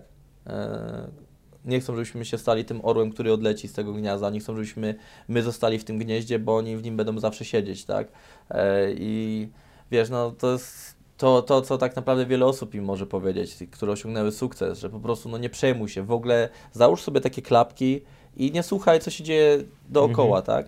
E, wiesz, jak do nas przychodzą ludzie na spotkania bądź na szkolenia, nagle, wiesz, oni, się- oni się pojawiają, myślą, że są w jakiejś sekcie, słuchaj, że oni mówią o jakimś biznesie, o inwestycjach, nikt się nie śmieje, nikt się nie nabija, w ogóle przez y, y, cały dzień albo trzy dni nikt nie skrytykował, no jak to jest możliwe w ogóle, nie? I wiesz, i, i podchodzą do ciebie, wiesz, y, wiesz, nie chcę megalizować, tutaj wiesz, nie mam jakiejś megalomanii, nie? Tylko po prostu oni przychodzą z innego świata, z innego otoczenia i oni do ciebie podchodzą, jak ty byś był jakimś, wiesz, y, y, zbawicielem, nie? I wiesz, i mówią do ciebie i no słuchaj, no Andrzej, no to jest normalne, nie? To jest normalne, bo jesteś wśród takich samych osób, jaką, jaką ty jesteś. Jesteś wśród osób ambitnych, które chcą coś w życiu zmienić. Już zmieniły, bądź zmieniają, bądź zaraz będą zmieniać, tak? E, i, I wiesz, i zwyczajnie trzeba zmienić otoczenie. Ja mówię tak zawsze, że pokaż mi pięciu, pięć osób, z którymi spędzasz najwięcej czasu, a ja ci powiem, jakim jesteś człowiekiem, tak? Więc jak będziesz spędzał czas z osobami, przykładowo, tak? Nie wiem, które biorą narkotyki i to są osoby, które spędzasz czas rok w rok, rok w rok i spędzasz z nimi dużo tego czasu, podświadomie dla ciebie to już się staje normalne, tak? Że ktoś tam, nie wiem, m, używa kokainy czy czegokolwiek innego, tak? I w pewnym momencie jest bardzo duża szansa, że ty zaczniesz to robić, tak? Tak samo mamy, nie wiem, jakieś Rio w Brazylii, dzielnice biedy i dzielnice, e, gdzie jest e, duży poziom przestępstw. I te osoby dorastają tam, dla nich to jest normalne i spora, spora część z tych osób wstępuje do tych gangów, tak? Bo gangi są dookoła, tak? Gangi, to- gang to jest mój kolega, gang to jest mój tata, wszyscy to gang i, i stajemy się gangsterami, tak? E, więc y, niestety otoczenie ma bardzo duży wpływ na nas, dlatego trzeba zmieniać otoczenie. Kiedy Jeżeli- się zorientowałeś właśnie a propos tej prawidłowości? Bo ja też jestem jej zwolennikiem, takim Mhm. powiedziałbym dość skrajnym, Mhm. bo widzę to na przykładzie swoim, na przykładzie moich znajomych, że w zależności od tego, z kim przebywamy, to adaptujemy te najsilniejsze cechy, które Tak. oni mają. Niezależnie czy są pozytywne, czy negatywne, Tak. to nie jest istotne, przyjmujemy je. Kiedy się zorientowałeś, że ta zasada działa? Wiesz co, dosyć szybko moja żona zaczęła szukać różnego rodzaju spotkań networkingowych i zaczęliśmy jeździć na spotkania network- networkingowe. Pracowaliśmy 7 dni w tygodniu, e, przepraszam, 6 dni w tygodniu i jeden był wolny, to była sobota i sobotę poświęcaliśmy na spotkania networkingowe, różnego rodzaju, biznesowe, nieruchomościowe. E, Ja jeździłem też na płatne spotkania, przykładowo byłem na płatnych spotkaniach e, z księgowości, bo chciałem się dowiedzieć, jak, jak ten biznes powinien działać nieruchomości, tak? Więc e, ja z chęcią sam jeździłem na płatne, na płatne szkolenia, po to, żeby też, tak, wolę porozmawiać Mhm. ze specjalistą, który w tym siedzi i tym się zajmuje. Więc e, spotykaliśmy się przede wszystkim, ja, ja polecam spotkania networkingowe, e, które są, mm, no słuchaj, jak będzie spotkanie networkingowe o nieruchomościach, spotkasz człowieka, który zajmuje się nieruchomościami, jak spotkasz spotkanie networkowe biznesowe, ludzi, którzy robią biznes, tak?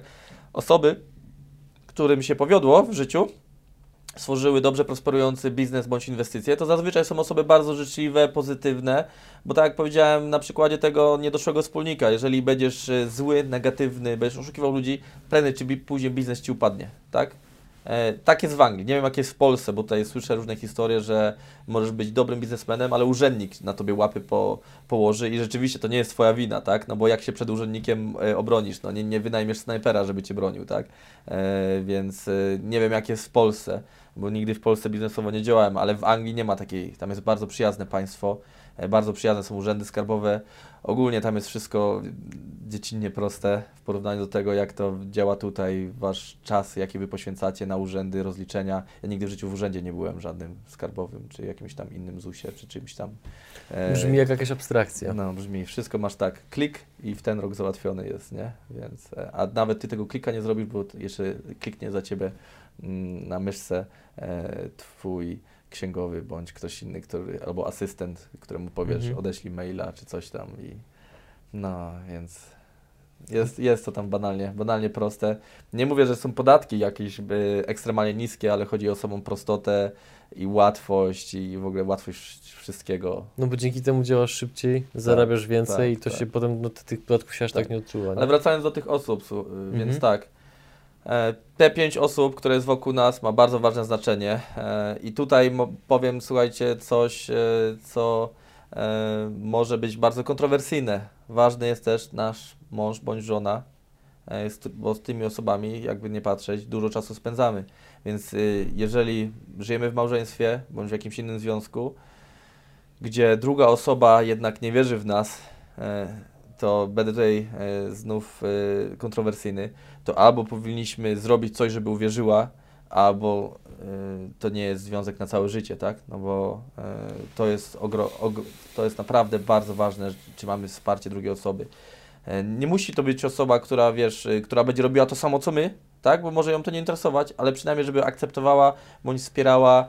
e, I ja mam ogromne wsparcie od mojej żony. To jest po prostu, to jest, to jest takie turbo, że wiesz, to jest nie do powstrzymania, słuchaj. Zawsze jak mam mm, gorsze dni, lepsze dni, wiesz, bo coś idzie nie tak e, i e, spóźniamy się z terminem, bądź e, bądź mam zwątpienia, słuchaj, to jest ważne, że do mnie podchodzi taki, wiesz, mój personalny coach i, i mówi, wiesz, Dawid, ty zawsze ze wszystkiego wychodzisz, dasz radę, wiesz, i zobacz, zawsze będzie dobrze, zawsze jest i, wiesz, i, i mam wsparcie od tej kobiety na, wiesz, zawsze, kiedy potrzebuję, nie? To, to jest, e, wiesz, ja tutaj mogę być, wiesz, powiedzieć, że jestem szczęściarzem, ale ja jestem dobrym inwestorem, bo ja, ja tą moją żonę znalazłem i wybrałem. To, jak- to, jak się, to jak się znajduje takie okazje inwestycyjne w postaci Wiesz co, ja właściwej moją, żonę, partnerki? ja moją żonę, nie, to, to zaśmiałem się, taki żarcik był. Wiesz, ja moją żonę e, poznałem na studiach, no i zwyczajnie, no zobaczymy, że to jest bardzo dobra kobieta, tak? Bardzo dobra, bardzo życzliwa. Ona była tak dobra, że aż w pewnym momencie ja mówię, słuchaj, no nie możesz dla wszystkich być taka dobra, bo niektórzy cię aż wykorzystują, że proszę cię, zrób to, zrób tamto, czy coś i e, jest po prostu bardzo dobrą, życzliwą kobietą. I wiesz, no i, i od razu mnie sobie skradła i, e, i została moją żoną. I do Mhm. dzisiaj, wiesz, mamy dwójkę dzieci i no, przyznam szczerze, że mamy szczęśliwy związek. E, Ja widzę, że ten związek no, musi przetrwać do końca życia i tego nam życzę. E, Ale no, o związek też się walczy, tak? Ja też e, jestem na zawołanie, tak? I wiesz, ktoś może powiedzieć pantoflarzem, ale ja wiem, jak dużo dla mnie ta kobieta zrobiła, tak? I, Mhm. i po prostu jej, jej życzenie będzie dla mnie rozkazem, tak? I jak, tylko, że ona właśnie nie ma żadnych życzeń, w tym, w tym problem, nie? I ja, ja jej podsuwam, słuchaj, bo e, ona nie jest e, dla mnie aż, wiesz, tak po prostu kocha mnie, wiesz, i nie jest taką, nie jest taka wymagająca, że nie wiem, muszę mieć nowe torebki, nowe zegarki, nowe buciki, czy coś tam, wiesz, innego, a tu kup mi nowe super auto, czy, czy coś innego, Mhm. ale ja zawsze mówię, jeżeli jest coś, wiesz, o czym sobie zamarzysz, no to, to powiedz to, wiesz, to ja zrobię wszystko, żeby to spełnić dla Ciebie, nie? Mhm. E, I to jest ważne, że ja miałem właśnie wsparcie tej drugiej osoby, tak? Czyli mamy już tych znajomych, tą piątkę, mamy osobę w domu, która nas wspiera i to wiesz, i to naprawdę dostajesz, y, Ogrom siły. tak, masz wiatr, masz wiatr w żaglach, wiesz, masz rodziców, którzy Cię wspierają, na przykład moi rodzice zawsze mnie wspierali, tak? Ja wiele razy z nimi się przez Skype'a łączyłem i zawsze, wiesz, ich fascynowało to, co robię i mnie wspierali i nigdy nie słyszałem, w ogóle ani razu nie słyszałem od moich rodziców, jak już zacząłem robić biznes nieruchomości, ani razu nie słyszałem, że to ci się nie uda, czy coś tam, albo uważaj, albo nie rób. Nigdy. Ani, ani słowa krytyki nigdy nie usłyszałem od nich, nie? I to też jest ważne. Więc y, jakby nie patrzeć, wracając do tego pytania otoczenia, jest to, jest to ważne, to otoczenie, tak? Czyli z kim się poznajemy, rozmawiamy, rozmawiamy z praktykami. I wiesz, no i sukces, który ja dzisiaj odnoszę, e, to jest y, jakąś, wiesz, pewnie e, wykładnią tego, nie?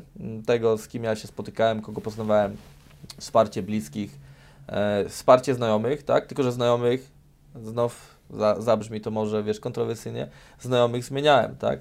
Czyli znajomych, którzy byli osobami bardzo negatywnymi, wszystko hejtowali, e, no, przestałem się z nimi spotykać, tak? I wiesz, ludzie mówią, że to ty się zmieniasz, tak? No ale dlaczego, e, wiesz, ja mam słuchać e, tak naprawdę wszystko, co jest złe, tak? I dostawać tak dużo negatywnej, złej energii, wiesz, to jest moje życie, ja chcę przejść przez nie e, na swój sposób i wiesz, no, jesteś taki, okej, no to spotkaj się z ludźmi, którzy będą chcieli tego słuchać. I niektórzy się lepiej czują, jak słyszą, że komuś wszystko jest źle, bo wtedy myślą, że im jest lepiej, nie? I, ale ja tego nie potrzebuję. Tak, ja, to to ja uwielbiam toksyczne historie. Tak. Ja uwielbiam historię, wiesz, e, jak ktoś przychodzi i mówi, że coś mu się udało, wiesz, że zrobił coś świetnego. Ja, ja, ja okej, to dawaj herbatkę, opowiadaj, co tam, co tam się dzieje u Ciebie, wiesz, i, i zawsze mogę lekcję dla siebie wyciągnąć, tak? I nie udaję człowieka, który pozjadał wszystkie rozumy, bo tak jak powiedziałem, świat cały czas idzie do przodu, tak? Ty dzisiaj coś odkryjesz, ja Cię zaproszę na herbatę, ja podzielę się swoimi informacjami, Ty podzielisz się swoimi, obaj się wzbogaciliśmy, tak? Ja zawsze mówię, dajesz wiedzę, to wiedza wraca. Dajesz dobro, dobro wraca. Nie musi być stricte od tej osoby, tak? Ale jak dajesz to bezwarunkowo, to z, Mhm. z innych po prostu e, strumyków będzie to do, do ciebie spływało, tak?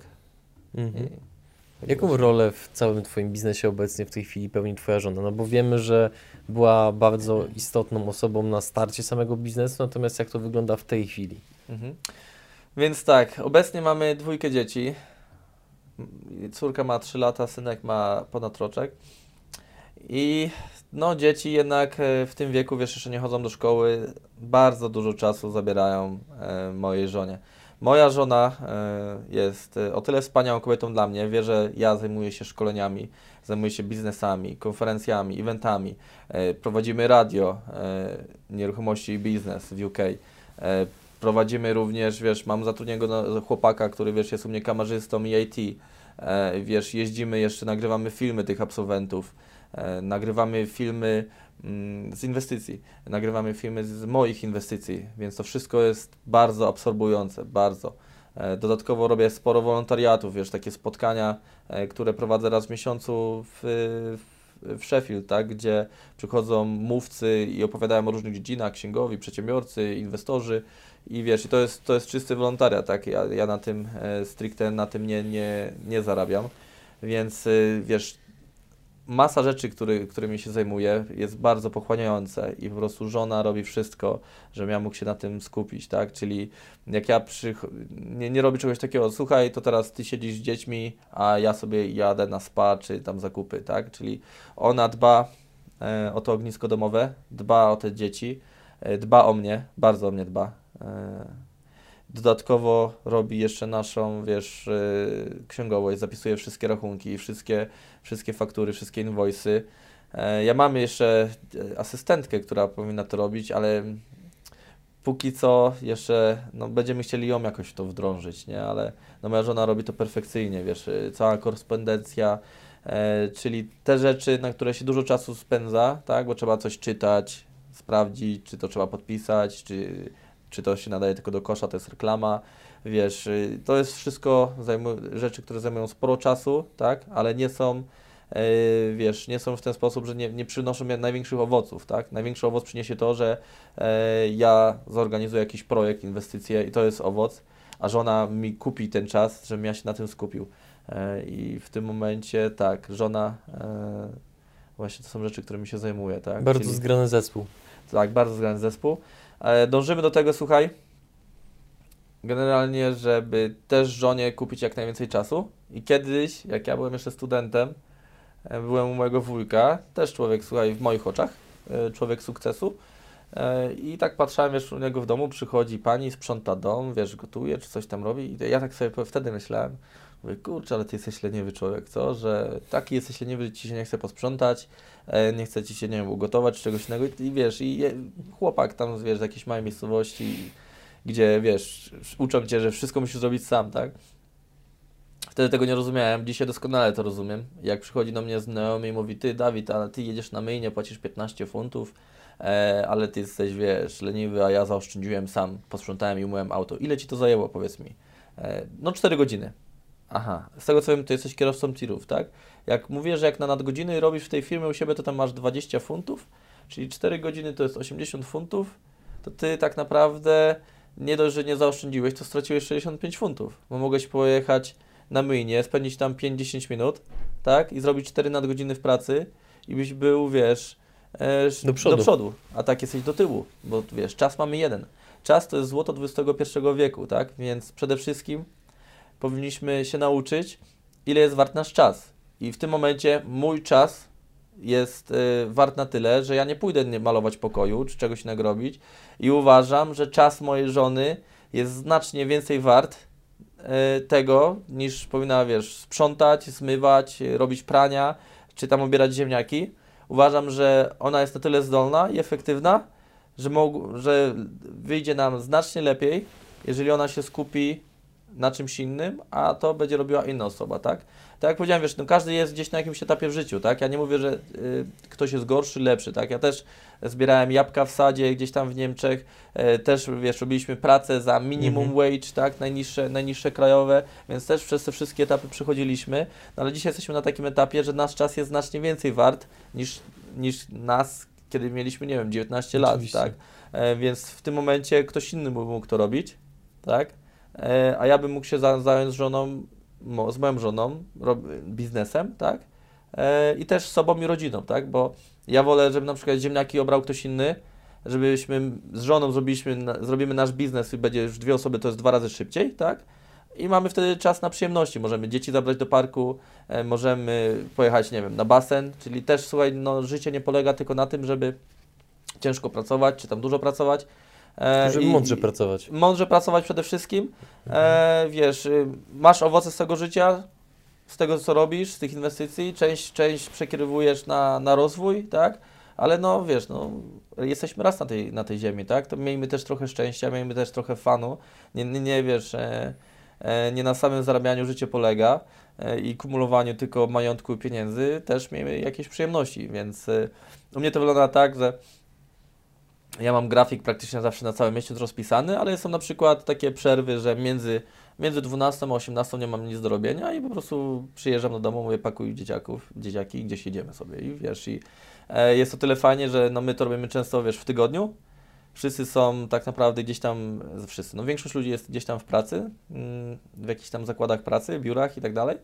E, I gdzie nie pojedziemy, to wiesz, zawsze jest miejsce na parkingu, zawsze nie, nie trzeba w żadnych kolejkach stać i, i, wiesz, i to jest bardzo przyjemne, bardzo relaksujące. E, my mamy taki, wiesz, e, nasze życie rodzinne często jest w tygodniu, e, na pewno nie w weekendy. W weekendy są, wiesz, korki, wiesz, wszędzie ciężko się dostać, więc trochę, powiem Ci, jak od, odeszłem od etatu, to też był taki przełomowy moment w moim życiu. Sobie wymyśliłem, że sześć nieruchomości odchodzę z etatu, I po prostu inny świat jest. Tak jakbyś po prostu przeszedł przez takie drzwi Narni, nie? Przychodzi przez drzwi Narni jest inny świat. E, I bardzo się bałem z tego, że wiesz, odejdzie kolejna pensja, bo moja żona już nie była na pensji. Więc e, no okej, okay, odejdzie pensja i czy wiesz, czy to będzie wszystko dalej takie, takie tempo miało. Jest taka gra Roberta Kiosakiego Cashflow. Mamy ten e, wyścig szczurów i potem jest ten szybki tor. To powiem Wam w momencie od razu, nie patrzcie, żeby zarabiać te paręset funtów, paręset złotych więcej. Jak najszybciej wyjdzie z tego wyścigu szczurów, bo jak wejdziecie na ten szybki tor, to jest naprawdę szybki tor i to zaczyna tak pędzić, że słuchaj, po pierwszym roku tą pensję chyba czterokrotnie e, e, powiększyłem. E, tylko tą, co z etatu straciłem, tak? Każdy kolejny rok, żona mi ostatnio pokazała, mówi, zobacz, co roku podwajamy swoje, e, swój cały, ca, całkowity -hmm. dochód e, na zysk, na czysto co roku podwajamy. I mi, mi przestała zobaczyć, tu jak zaczynaliśmy z etatów, tyle oszczędzaliśmy w tym roku. Tu już dwa razy tyle, tu już dwa razy.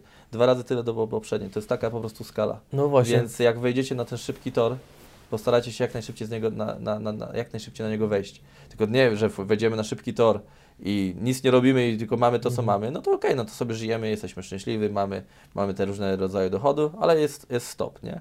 Tylko to jest jedna wersja, a druga jest wersja, że ok, mamy teraz tyle tego czasu, więc nie musimy już siedzieć w zakładzie pracy, mamy już y, całe te 8 godzin dla siebie.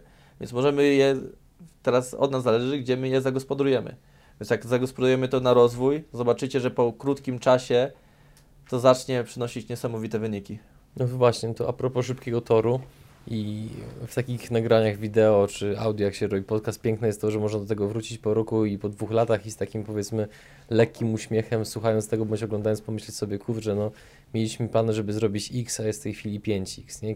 Kiedyś to było, nie? Mhm. No i wspomniałeś na samym początku, że e, zaczynasz, zaczynasz właśnie współpracować między innymi z Pawłem Albrechtem, więc czy możesz być może jakoś od kuchni trochę zdradzić, jakie macie plany na najbliższe miesiące, lata, co chcecie razem zbudować, osiągnąć? Tak. Więc wiesz co, y, z Pawłem jesteśmy tyle blisko. Powiem Ci, to jest w ogóle e, dla mnie, wiesz, nie chcę, nie chcę tutaj słodzić, ale bardzo sobie go cenię jako człowieka. E, wiesz, poznałem Pawła, jeszcze kiedyś robił takie wywiady Success Stories. Ja chyba miałem wtedy pierwsze trzy domy i Paweł przyjechał, wiesz, robił ze mną wywiad. Ja byłem gdzieś tam na początku mojej, wiesz, y, historii. E, wiesz, i też Pawła, wiesz, gościłem z pełnymi honorami. Paweł to jest, wiesz, też wybitna osoba, która w krótkim czasie, e, wiesz, ciężką, ciężką pracą, no, wiesz, bardzo zaangażowanym, mhm. zdyscyplinowanym, e, wiesz, y, ma naprawdę super efekty. I wiesz, już na początku bardzo się zaprzyjaźniliśmy i mi się spodobało to, że on był autentyczny, bo wiesz, ja dużo osób, jeżeli chodzi o współpracę, inwestorów, y, nie nawiązałem tej współpracy z tego względu, że no nie do końca mi ich wartości odpowiadały, bądź nie wydawali mi się, w mojej opinii, ona nie zawsze musi być, słuchaj, idealna i Mhm. to nie jest wyrocznia, tak? E, więc, ale chodzi tutaj o moja opinia, czyli wiesz, no czy ja Po prostu nie czułeś. Tak, nie, nie czułem tej chemii. Więc y, jeżeli chodzi o Pawła, to słuchaj, to na, od, od początku, y, wiesz, ja poczułem tą, mm, tą więź, że y, on jest autentyczny, to mi się bardzo spodobało. A on zrobił vice versa to samo do mnie, tak? Jak on mi opowiadał wtedy, Dawid mówi, wiesz co, podoba mi się to, że tak mówisz w końcu z kimś rozmawiam, kto już inwestuje, już działa, tak? I nie mówi jakichś tam bajek, że inwestycje mu spadają nieba, albo że e, wchodzą do niego same do biura i wiesz, tam niektórzy mają już, wiesz, jakąś megalomanię, obrosli w piórka e, i, i wiesz, i to się na przykład Pawłowi nie podobało, że koloryzowali, tak? A ja mówiłem, wiesz, ja to nawet na szkoleniach mówię, słuchajcie, ja wiem, że w książkach zawsze tęcze pokazują, ale tutaj za tymi drzwiami tęcza znika i wy zobaczycie i te dobre, i te złe i zaraz wy zdecydujecie, e, co robić, żeby tych złych rzeczy unikać i żeby mieć jak najwięcej tych dobrych, tak? Ale wie, wiedzcie, że są i test, i jest i ta strona medalu, i ta druga, tak? Więc to się też Pawłowi spodobało, e, że ja byłem autentyczny i o tym wszystkim e, też, też mówiłem nie koloryzowałem. E, I wiesz, i stąd się zaczęła budować nasza relacja. Rok w rok on się rozwijał, ja się rozwijałem, wiesz, nawzajem się obserwowaliśmy, e, nawzajem się inspirowaliśmy. Paweł jest też dla mnie e, inspiracją, bardzo mi się podoba, też wiele rzeczy od niego za, za, zaczerpnąłem, tak. Tak naprawdę szkolenia zacząłem dzięki niemu robić, tak? On, Paweł zawsze mówi, Dawid, słuchaj, no masz taką wiedzę, wiesz, robisz te takie spotkania, no ja na przykład też e, prowadząc klub, no nie będę co miesiąc występował, wiesz, bo nie czuję się jakimś narcyzem, że o, w tym miesiącu macie znowu Dawidowóż, nie? Więc e, Paweł też mówi, słuchaj, no na pewno ma, masie osób pomożesz tym, że zaczniesz robić szkolenia. I wiesz, i to się zaczęło od tego, mówię, no to okej, no wiesz co, no tak od pół roku już, wiesz, odkąd y, nie jestem na tym etacie, ludzie się mnie pytają, czy bym nie zrobił im szkolenia, wiesz, i, e, bo chcieliby się nauczyć, chcieliby robić to samo, co ja, e, wiesz, i to było coś dla mnie nowego. I wiesz, branża, którą otworzyłem, nowy biznes, właśnie szkoleniowy, to wiesz, y, dzięki Pawłowi było, tak, e, i wiesz, y, mamy przede wszystkim, tak, wyznajemy te same wartości, co jest ważne, stawiamy oboje na najważniejsze, na nazwisko, na markę i na uczciwość. I wiesz, i my y, mamy do siebie takie zaufanie i to jest bardzo ważne. Obaj mamy swoje majątki i wiesz, i nikt nikogo na żadne pieniądze nie oszuka, e, bo wiemy, że długofalowo e, raz, że jesteśmy oboje uczciwymi ludźmi, a dwa, e, że to w ogóle by nie byłoby, to w ogóle sensu by nie miało, tak? Wiesz, ja, ja mogę spać spokojnie zawsze i wszędzie, wiedząc, czy jak, kiedy, jak, kiedy współpracuję z Pawłem. Em, I wiesz, współpraca ta polega na tym, że no Paweł jeździ, przylatuje, widzi jak ten rynek e, działa brytyjski, porównuje go do, e, do polskiego. Wie, że u nas jest nieskończona liczba hipotek, nie jak w Polsce, że ja nie znam polskiego rynku, więc nie chcę tutaj się wypowiadać, ale no z tego co zrozumiałem, że tutaj można mieć e, cztery hipoteki, później już masz jakieś inne sposoby dal, dalszego inwestowania. Większość ludzi już potem za gotówkę kupuje te nieruchomości. U nas masz nieskończoną ilość, tak? Możesz mieć 10, 100, 1000, milion domów, jak będzie Ci się chciało. E, nie ma ograniczeń, tak? Jest bez, bez ograniczeń. Dodatkowo masz e, te narzędzia, e, tak zwany ten remortgage, czyli możesz ten kapitał wyciągnąć i inwestować, inwestować dalej w te, mm, w te nieruchomości, tak? Niektórzy ludzie po prostu trzymają domy, kupili je 10 lat temu, one wzrosły na wartości, wyciągnęli kapitał, nie robiąc nic i mają kapitał na zakup przykładowo kolejnych dwóch czy tam trzech nieruchomości, mają ten wkład własny, tak? Więc Paweł po prostu widzi, obserwuje, przyjeżdża, przylatuje, widzi jak działa ten e, urząd skarbowy. No i w końcu stwierdził, no wiesz, no jak porównał Dawid, no tu jest twój Excel, tu jest mój Excel, no jak ja te pieniądze włożę tutaj w Polsce na wynajem, to ja zarabiam 3, 4, 5 razy mniej niż jak ja te same złotówki przewolutuję na funty i włożę je w Anglii, tak? I tutaj masz z tych samych pieniędzy masz znacznie większe e, zyski niż ja e, będąc w Polsce. I on mi tłumaczy, że no tu jak masz, kupisz za to mieszkanie czy coś innego, to zostaje Ci tam paręset złotych, a tu Ci zostaje 800 funtów, czy tam 1000 funtów, czy 1500, zależy jaka to jest inwestycja, nie? I mówi, to jest po prostu nie, niewyobrażalne, tak? E, no i, właśnie to, to, jest, to jest to, że po prostu no, biznesowo mm, ten kapitał jak ma pracować, to lepiej pracuje na rynku brytyjskim.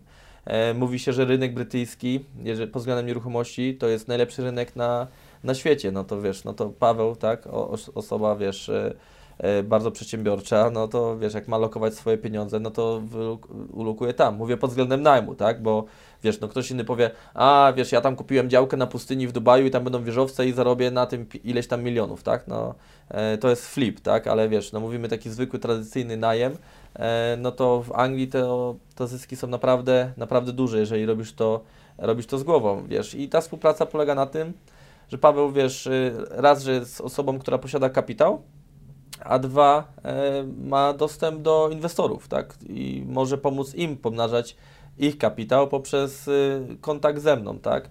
E, I zwyczajnie Paweł będzie tutaj osobą, która będzie e, dostarczała kapitał, a ja będę tą osobą, która robi know-how, tak? I wiesz, i, i osoby, które ze mną współpracują, bo wiesz, ja jestem Em, Ja pod sobą mam, wiesz, też ludzi typu, wiesz, moich pracowników to jest raz i dwa, to są absolwenci, którzy dostarczają mi, dostarczają mi e, dealów, tak, dobrych, Mhm. dobrych, dobrych inwestycji. Więc ja jestem od tej strony, jestem w stanie dostarczać cały czas tych dealów, tych nieruchomości, e, tego zarządzania i cały czas rozbudowywać e, ten dział. E, A Paweł może dostarczać kapitał, tak? Ja też inwestuję, wiesz, swój kapitał, tak? No bo e, nie lubię tak naprawdę, jak patrzę na to konto, jak już jest za, za dużo odłożone na, kont, na koncie, to zaczynam się e, irytować, stresować, denerwować. Nie, nie lubię, jak za dużo tam tych pieniędzy leży. Zawsze mam tam jakąś poduszkę, w razie czego, jak nie wiem, no wyrwie dach czy coś i wiesz, czy tam wyrwie trzy dachy, tornado, to zawsze poduszkę mam taką, że wiesz, następnego dnia cały dom, czy tam całe dwa czy trzy domy nawet y, zrobię bez problemu. E, ale nie typu tam nie, nie, nie chcę trzymać jakichś dużych, dużych kwot, zawsze wiesz, wolę, żeby te pieniądze pracowały, bo jak leżą na koncie, one nie pracują, tak? Jeżeli ktoś ma parę milionów na koncie, no to albo jest miliarderem i to są po prostu grosze, te parę milionów, tak? Albo, nie wiem, sprzedał jakiś majątek i nie umie po prostu, nie ma mm, edukacji finansowej i nie umie tym zarządzać, tak? No bo pieniądze powinny pracować, jak leżą na koncie, to zjada je inflacja, tak? I każdego Mhm. roku tracą na wartości. Więc y, współpraca z Pawłem jeszcze, wiesz, y, pod względem eventów, tak? E, ja zapraszam Pawła do siebie, Paweł dopra- zaprasza e, mnie do siebie e, na akademię, czy tam na zjazd absolwentów, więc y, wiesz, nawzajem się też promujemy, tak? I to tak naprawdę buduje nasze biznesy. Paweł występo- ja występowałem u Pawła w audycjach, Paweł wy, wystąpił e, na, na mojej audycji i też niedługo ją zamieścimy, e, Mhm. więc wiesz, wspieramy się, tak? Na, na każdej możliwej e, platformie, e, bo wiemy, że wiesz, że obaj na tym zyskujemy, na tej współpracy, tak? To jest raz, a dwa, zwyczajnie się lubimy, Mhm. tak? Ra- Razem gdzieś, gdzieś tam na jakąś Majorkę polecimy, czy gdzieś i lubimy ze sobą czas spędzać, wiesz, też towarzysko, więc to jest taki też dodatkowy... mm, Takie standardowe rzeczy, które robią osoby inwestujące w nieruchomości. Tak. Majorka i tak- i tak dalej, nie? No, wiesz, wszystko fajnie z kulturą, ale wiesz, Mhm. no, jak masz już spędzić czas z kimś, no to spędzaj go z kimś, z kogo lubisz, tak? I wiesz, Oczywiście. my się nawzajem lubimy i wiesz, lubimy porozmawiać poś, e, na różne tematy. To nie jest tak, wiesz, to nie, my nie siadamy, nie, nie, nie rozmawiamy tylko o nieruchomościach, wiesz, o, o wszystkim tak Mhm. naprawdę, nie? Tak, wiesz, jak kumple. E, i, I wiesz, i to jest też ważne, więc... E, E, wiesz, długofalowo i Paweł myśli długofalowo, ja też. Mnie nie interesuje e, typ inwestowania ra- raz, dwa, trzy, zróbmy teraz coś, żeby wpadła jakaś kasa, wiesz, nie wiem, i kupmy, e, kupmy sobie, nie wiem, lot dookoła świata za to i trzy lata balujmy teraz, czy coś. Mnie takie coś w ogóle nie interesuje. Mnie interesuje inwestowanie długofalowe, wiesz, z myślą, co ma być za 10 lat, 20, 30, e, a nie, że budzimy się za 20 lat i mamy teraz, y, wiesz, problem, co teraz, nie? Mhm. E, I to tak samo jest z Pawłem. Wiesz, Pawła też interesuje współpraca długoterminowa, e, więc e, to jest dla mnie też bardzo ważne, że tutaj się na tym, e, na tej płaszczyźnie uzupełniamy. Wraz z rozwojem i zdobywaniem majątku, doświadczenia, wiedzy, kompetencji, nasz sposób myślenia i działania również ewoluuje. Tak. To nie jest nic Tak. odkrywczego, ale co się zmieniło w tobie na przestrzeni tych powiedzmy wszystkich lat, kiedy rozwijasz biznes i co byś powiedział samemu sobie, jeżeli mógłbyś się hipotetycznie cofnąć w czasie? Mhm. Żebym szybciej odszedł z pracy. To bym powiedział samemu sobie, że niepotrzebnie trze- czekałem tak długo, bo sobie wymyśliłem, że odejdę z pracy, jak e, będę miał już dochód pasywny, tam trzykrotność mojej pensji, nie? Mm, więc odszedłem chyba nawet jak miałem 3,5-krotność, czy tam nawet czterokrotność, e, więc trochę, trochę trochę za, za późno odszedłem z pracy. Powinienem tak naprawdę odejść jak najszybciej z pracy e, i zacząć współpracować z, z inwestorami, zacząć e, robić już inne branże, które się skalują. Tak? Praca na etacie się nie skaluje. Praca na etacie to jest ciągła linia, ewentualnie podwyżka i dalej jest ciągła linia. Tak? E, chyba, że mamy taką pracę, gdzie mamy dodatkową prowizję od sprzedaży czy od jakichś kontraktów, Mhm. tak? Ale w innym wypadku się nie skaluje, więc e, no, życie przemija i jest cały czas ten sam poziom. Jak pracujemy na swój biznes, swoje inwestycje, swój rozwój, to to zawsze, wiesz, sinusoida, e, ale która idzie, wiesz, zawsze na Mhm. przestrzeni czasu, zawsze idzie w górę. Jeżeli robimy to dobrze, przykładamy się, tak? Więc przede wszystkim to bym zrobił. Odszedł szybciej, odszedł szybciej z pracy. E, dwa, e, zaczął szybciej nawiązywać i otwierać się może na. Ja zawsze byłem otwarty, ale może bym, może bym w tym kierunku szybciej poszedł też. Mhm. E, może niektóre rzeczy bym zaczął po prostu szybciej też. Ale tak, tak poza tym. Hmm. To właśnie... Jakbym wiedział, wiesz, jakbym miał taką wiedzę jak dzisiaj, to Mhm. wiesz, to bym skończył 18 lat i od razu do Anglii bym wyjechał i od razu bym zaczął działać. Mhm. E, ale wiesz, no to bym musiał, to nie, to nie jest możliwe, tak? Oczywiście. E, więc e, nie, nie szedłbym wtedy na studia, na, na nic bym nie szedł. 18 lat, 18 lat sko- skończone, plecak, jadę na zbywa gdziekolwiek, szybko, szybko, żeby wiesz, coś odłożyć i zacząć działać. E, Mhm. To teraz ci, co mają 18 lat, którzy słuchają. No Teraz- właśnie, Teraz, dla nich. teraz słyszycie, tak? Macie 18 lat. Okej, wiem, że was rodzice za to mogą znienawidzić, że nie poszliście na te studia, a to jest wasze życie. W świecie inwestorów, w świecie biznesów nikt sobie nie zadaje pytania, e, a słuchaj, a jakie masz studia? Nikt, nikt w ogóle takie, a jaką masz szkołę? Ja też nie słyszałem tego pytania. E, Nikt, nikt w ogóle tego nie pyta. Każdy, każdy rozmawia o tym, jaki prowadzisz biznes, jakie prowadzisz inwestycje, czym się zajmujesz i tak dalej. A nikt się nie pyta, a, a gdzie kończyłeś szkołę średnią, czy coś takiego tam, wiesz. Takie coś może pyta e, pani Kazia, która robi w okienku z banku obok ciebie. E, masz 18 lat i po prostu zacznij działać, tak? To, co chcesz robić, zacznij szukać ludzi, którzy się tym zajmują. No ale co teraz ty możesz zaoferować, słuchaj, e, takiemu człowiekowi, który jest już na jakimś takim poziomie, nie masz pieniędzy, nie masz nic. Ja mam taką znajomą, e, też bardzo ambitna dziewczyna, miała chyba 19 lat i przyjechała do pracy do Anglii i zaczęła pracować, e, wiesz, gdzieś tam e, w jakimś tam magazynie. No jej się spodobało, bo wynajmowała pokój, jej się spodobała ta agencja najmu, tak? No i ona do nich poszła, się zgłosiła, słuchajcie, ja bym chciała tutaj pracować, e, chcę tu pracować za darmo. No bo dlaczego nie mamy, wiesz, 19-letnie dziecko przyjdzie, dziecko, przepraszam, 19-letnia dziewczyna e, przyjdzie i wiesz, dlaczego mają jej po, poważne stanowisko pracy dać, tak? A tutaj widzę determinację, że ona przyjdzie i, i za darmo. I teraz ktoś mówi, jak to można za darmo, jak to można za darmo, słuchaj, jak ja bym miał możliwość, że mógł pracować dla inwestora po godzinach w weekendy za darmo, to uwierz mi, że bym też to zrobił na samym początku, tylko ja nie miałem u kogo, nie było do kogo pójść, kto, wiesz, byli Polacy, ale którzy mieli tam po jednym domku, tak, to, to nie byli jacyś, nie wiadomo, wiesz, inwestorzy, którzy się nie wiadomo jak znają na biznesie, tak, więc y, żeby był, wiesz, landlord, który ma, którego ja znam, ma portfolio, i ja bym mógł wokół tego biegać, to wiesz, to na weekendy bym też dla niego pracował i, i bym po prostu pozyskiwał od niego tą wiedzę. E, więc można to w ten sposób, w ten sposób e, zrobić, tak? Bądź zwyczajnie zatrudnić się jak najszybciej, zdobyć pracę na etacie, zacząć kumulować te pieniądze, zacząć oszczędzać, zacząć chodzić na spotkania, zacząć chodzić na szkolenia, zacząć e, poznawać ludzi, praktyków i w tym momencie, tak jak powiedziałem, możemy stać się łowcami okazji. Jeszcze nie mamy super kapitału, ale już możemy zacząć dostarczać im deale. Pierwsze sukces story jest, dostarczyłem deala, kupił go ode mnie Grzesiek, tak, czy ktoś tam. Grzesiek zarobił na nim tyle i tyle, ja dostałem tyle i tyle prowizji, już się pokazujemy, jestem deal sorcerem. Deal sorcerzy w końcu, prędzej czy później, dostają swoich prywatnych inwestorów, z którymi oni zaczynają inwestować, tak?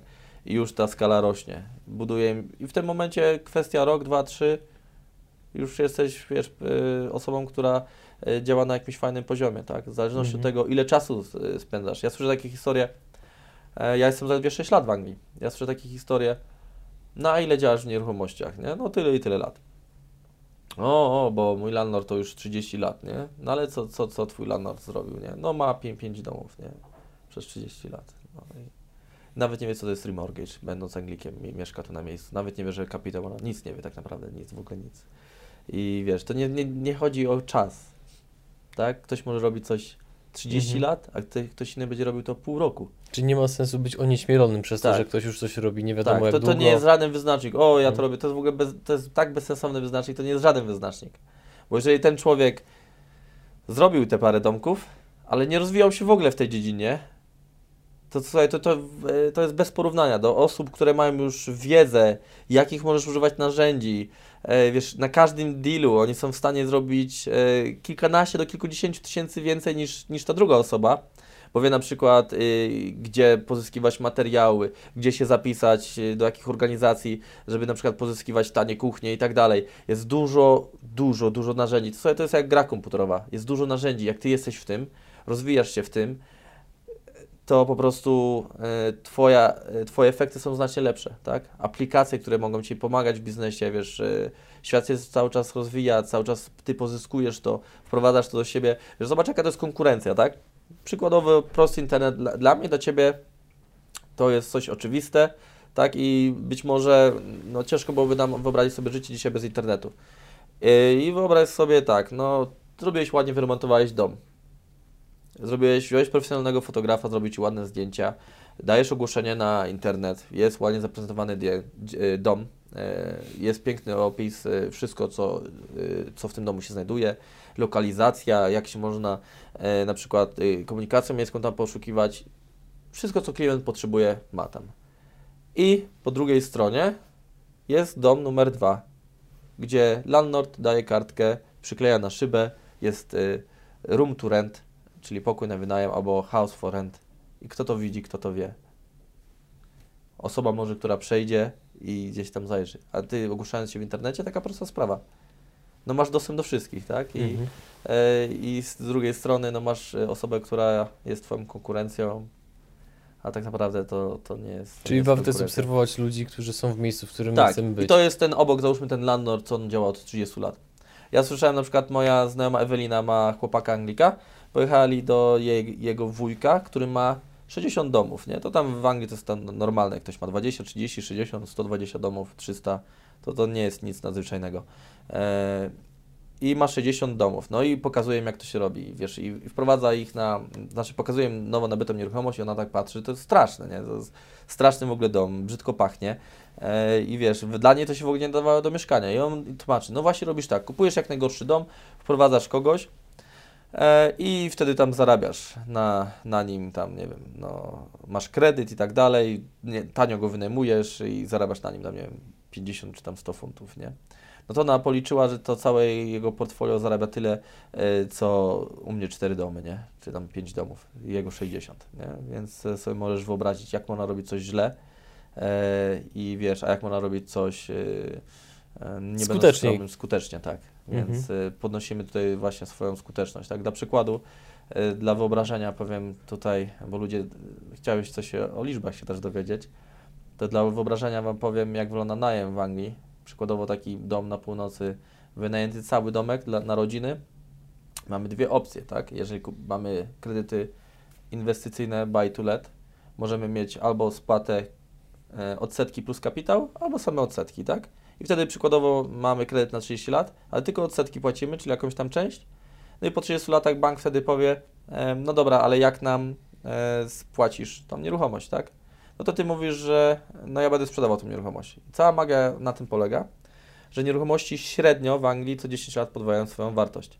I przykładowo jest taki guru znany w całej Anglii, e, w świecie biznesu, Simon Jucci, który kupował w Birmingham 30 lat temu nieruchomości za 30-40 tysięcy. On się wtedy zastanawiał, czy tam wiesz, tysiąc w jedną, czy drugą, czy nie za drogo e, funtów. Dzisiaj te same domy sprzedał między 300 a 400 tysięcy, więc u niego to było jeszcze więcej niż podwajanie co 10 lat. U niego ta y, po 30 latach całkowicie ta wartość wzrosła dziesięciokrotnie. Ja to widzę po swoich nieruchomościach. Wszystkie moje nieruchomości y, wzrosły na wartości. To słuchajcie, jak była bańka na nieruchomościach, to spadła tam ta cena 10% y, maksymalnie gdzieś tam w jakichś regionach. W moich regionach spadło 3 tam chyba do 6%. E, więc to nie spadło o połowę, nie spadło o 2 trzecie, tak, bo ktoś może powiedzieć bańka. Anglia to jest mała wyspa, ludzi cały czas przybywa, a ziemi nie. I gdzieś ci ludzie muszą mieszkać i oni są po prostu tam zdesperowani. Rząd cały czas zachęca ludzi do przyjmowania e, domowników do siebie, do domu. I masz co roku masz zwiększoną kwotę ekstra wolną od e, współlokatora.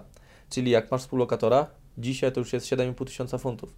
Nieważne ile zarabiasz, masz 7,5 tysiąca ekstra nie do opodatkowania, tak? To jest ekstra bonus za to, że przyjąłeś y, człowieka do swojego domu.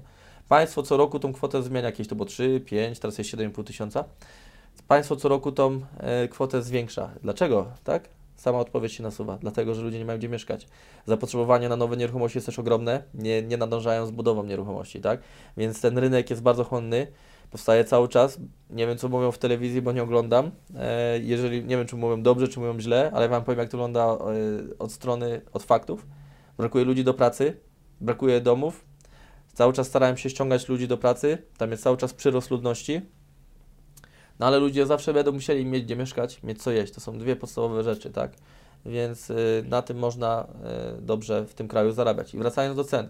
Taki singulec kupiony na północy, jeżeli mamy go na, kupiony na odsetki, tak? Tak jak Wam powiedziałem, kupimy za 30 lat, albo sprzedamy sobie całe portfolio, które wzrosło na wartości, albo sprzedamy ten jeden dom i on nam spłaci te pożyczki, które zostały na tych innych domach, tak? Jeden dom może nam spłacić wtedy 3-4, zależy ile urosły tak? Ale na pewno jeden dom, który urósł na wartości, bo my dalej tylko pożyczkę musimy oddać. To, co urośnie, to jest nasze, tak? My mamy pożyczkę w banku. Jego, to, jego, to nie jego biznes, że dom urósł, tak? To wszystko, co, jest, co urośnie ta, na wartości, to jest nasze.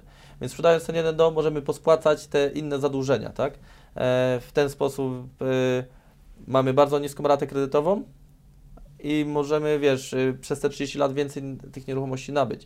I teraz dla przykładu, Dom taki zwykły na północy, który kupimy, kredyt może być między 120 funtów a 220 funtów, miesięczna rata. Wynajęcie całego domu, całego domu dla rodziny to jest 550-750 y, funtów, tak? Czyli na jednym możemy już zarabiać 500 funtów. Wkład własny to tam 25% na wkład własny od wartości domu, pamiętajcie. A teraz jakbyśmy zrobili to na pokoje, tak? Gdzie ludzie nie płacą za rachunki, to przykładowo mam jedną taką fajną nieruchomość, którą kupiłem za około 80 tysięcy funtów. Wyremontowałem ją, to kredyt tam jest 128 funtów. A ja za jeden pokój biorę 420 miesięcznie. 128, 420, a pokoju w domu jest więcej. Więc to jest taki przykład. I Paweł się zawsze z tego śmieje, że wystarczy mi pół, pół pokoju wynajęte, pół pokoju, nawet nie cały pokój, ja, i ja wychodzę na plus tak? Mhm. Mi coś zostaje. E, więc e, no to też Pawła urzekło i to jest jeszcze dom, który jest koło mojego domu. Ja się śmieję, e, że ludzie szukają dealów gdzieś tam na krańcach świata. E, a, a, ty trzeba... a ty masz mennicę pod nosem. Tak. I mennice mhm. są wszędzie, słuchaj. Cały czas, to jest cały czas ta bolączka, że każdy mówi, u mnie nie ma, u mnie nie ma. Ludzie przyjeżdżają z innych miast i u mnie nie ma. Jest, po prostu musisz otworzyć oczy i się rozglądać. I cały czas być czujnym. U mnie na przykład na mojej y, osiedlu, gdzie ja mieszkam, no jest y, masa tych nieruchomości na sprzedaż, masa, tak? No dzisiaj pewnie jest tam za 20 na, na sprzedaż, tak? Bo w Anglii nie przywiązują tak yy, yy, wagi do nieruchomości jak w Polsce. W Anglii bardziej domy traktują jak w Polsce samochody, tak? Ludzie co chwilę zmieniają, gdzieś tam ktoś się wyprowadza. To domy zmieniają tak na, na, naprawdę jak rękawiczki, więc jest duży obrót mhm. tymi nieruchomościami. I no też jest dzisiaj na przykład z 20, no i dzisiaj nie ma żadnej, która, na której ja wiem, że zrobiłbym dobrego deala. E, ale co nie znaczy, że jutro nie będzie, więc trzeba być cały czas czujnym. Ja tak się śmieję, że e, ludzie szukają dealów gdzieś tam, gdzieś tam pewnie pod krzakiem, czy gdzieś, gdzieś te deale mają być, a ja biorę moją córkę na, na, e, na spacer i robię takie kółko do, dookoła mojego domu, znaczy po ulicy tam, tak? I znalazłem parę inwestycji, które, które mamy i które są wynajęte i się śmieję, że no widzisz, ty jeździsz, nie wiadomo co, szukasz tych dealów mm -hmm. gdzieś tam, one na krańcach świata są, e, a ja biorę córkę na, sprzeda na spacer i, i się pojawiają deale, nie? E, wiesz, co nie znaczy, że ich jest nie wiadomo jak dużo, no, tylko że często chodzę gdzieś tam z córką, często gdzieś tam jeździmy i cały czas jak widzę gdzieś znak for sale, tak, okej, okay, trzeba sprawdzić. E, mhm. cały czas czujni, tak? Wchodzimy na internet. Właśnie to jest też fajnie w Anglii. E, jest bardzo rozbudowane wszystko w internecie i po prostu wchodząc na internet dowiesz się wszystko, tak? Ze stron. E, gdzie jakie nieruchomości są. Masz mapy, tak? No, ma, wszystko jest na mapę zarzuconą. Możesz wejść, sprawdzić dom, sprawdzić zdjęcia, sprawdzić całą historię nieruchomości, kto kiedy ją kupił, za ile, wszystko jest dostępne, wszystko.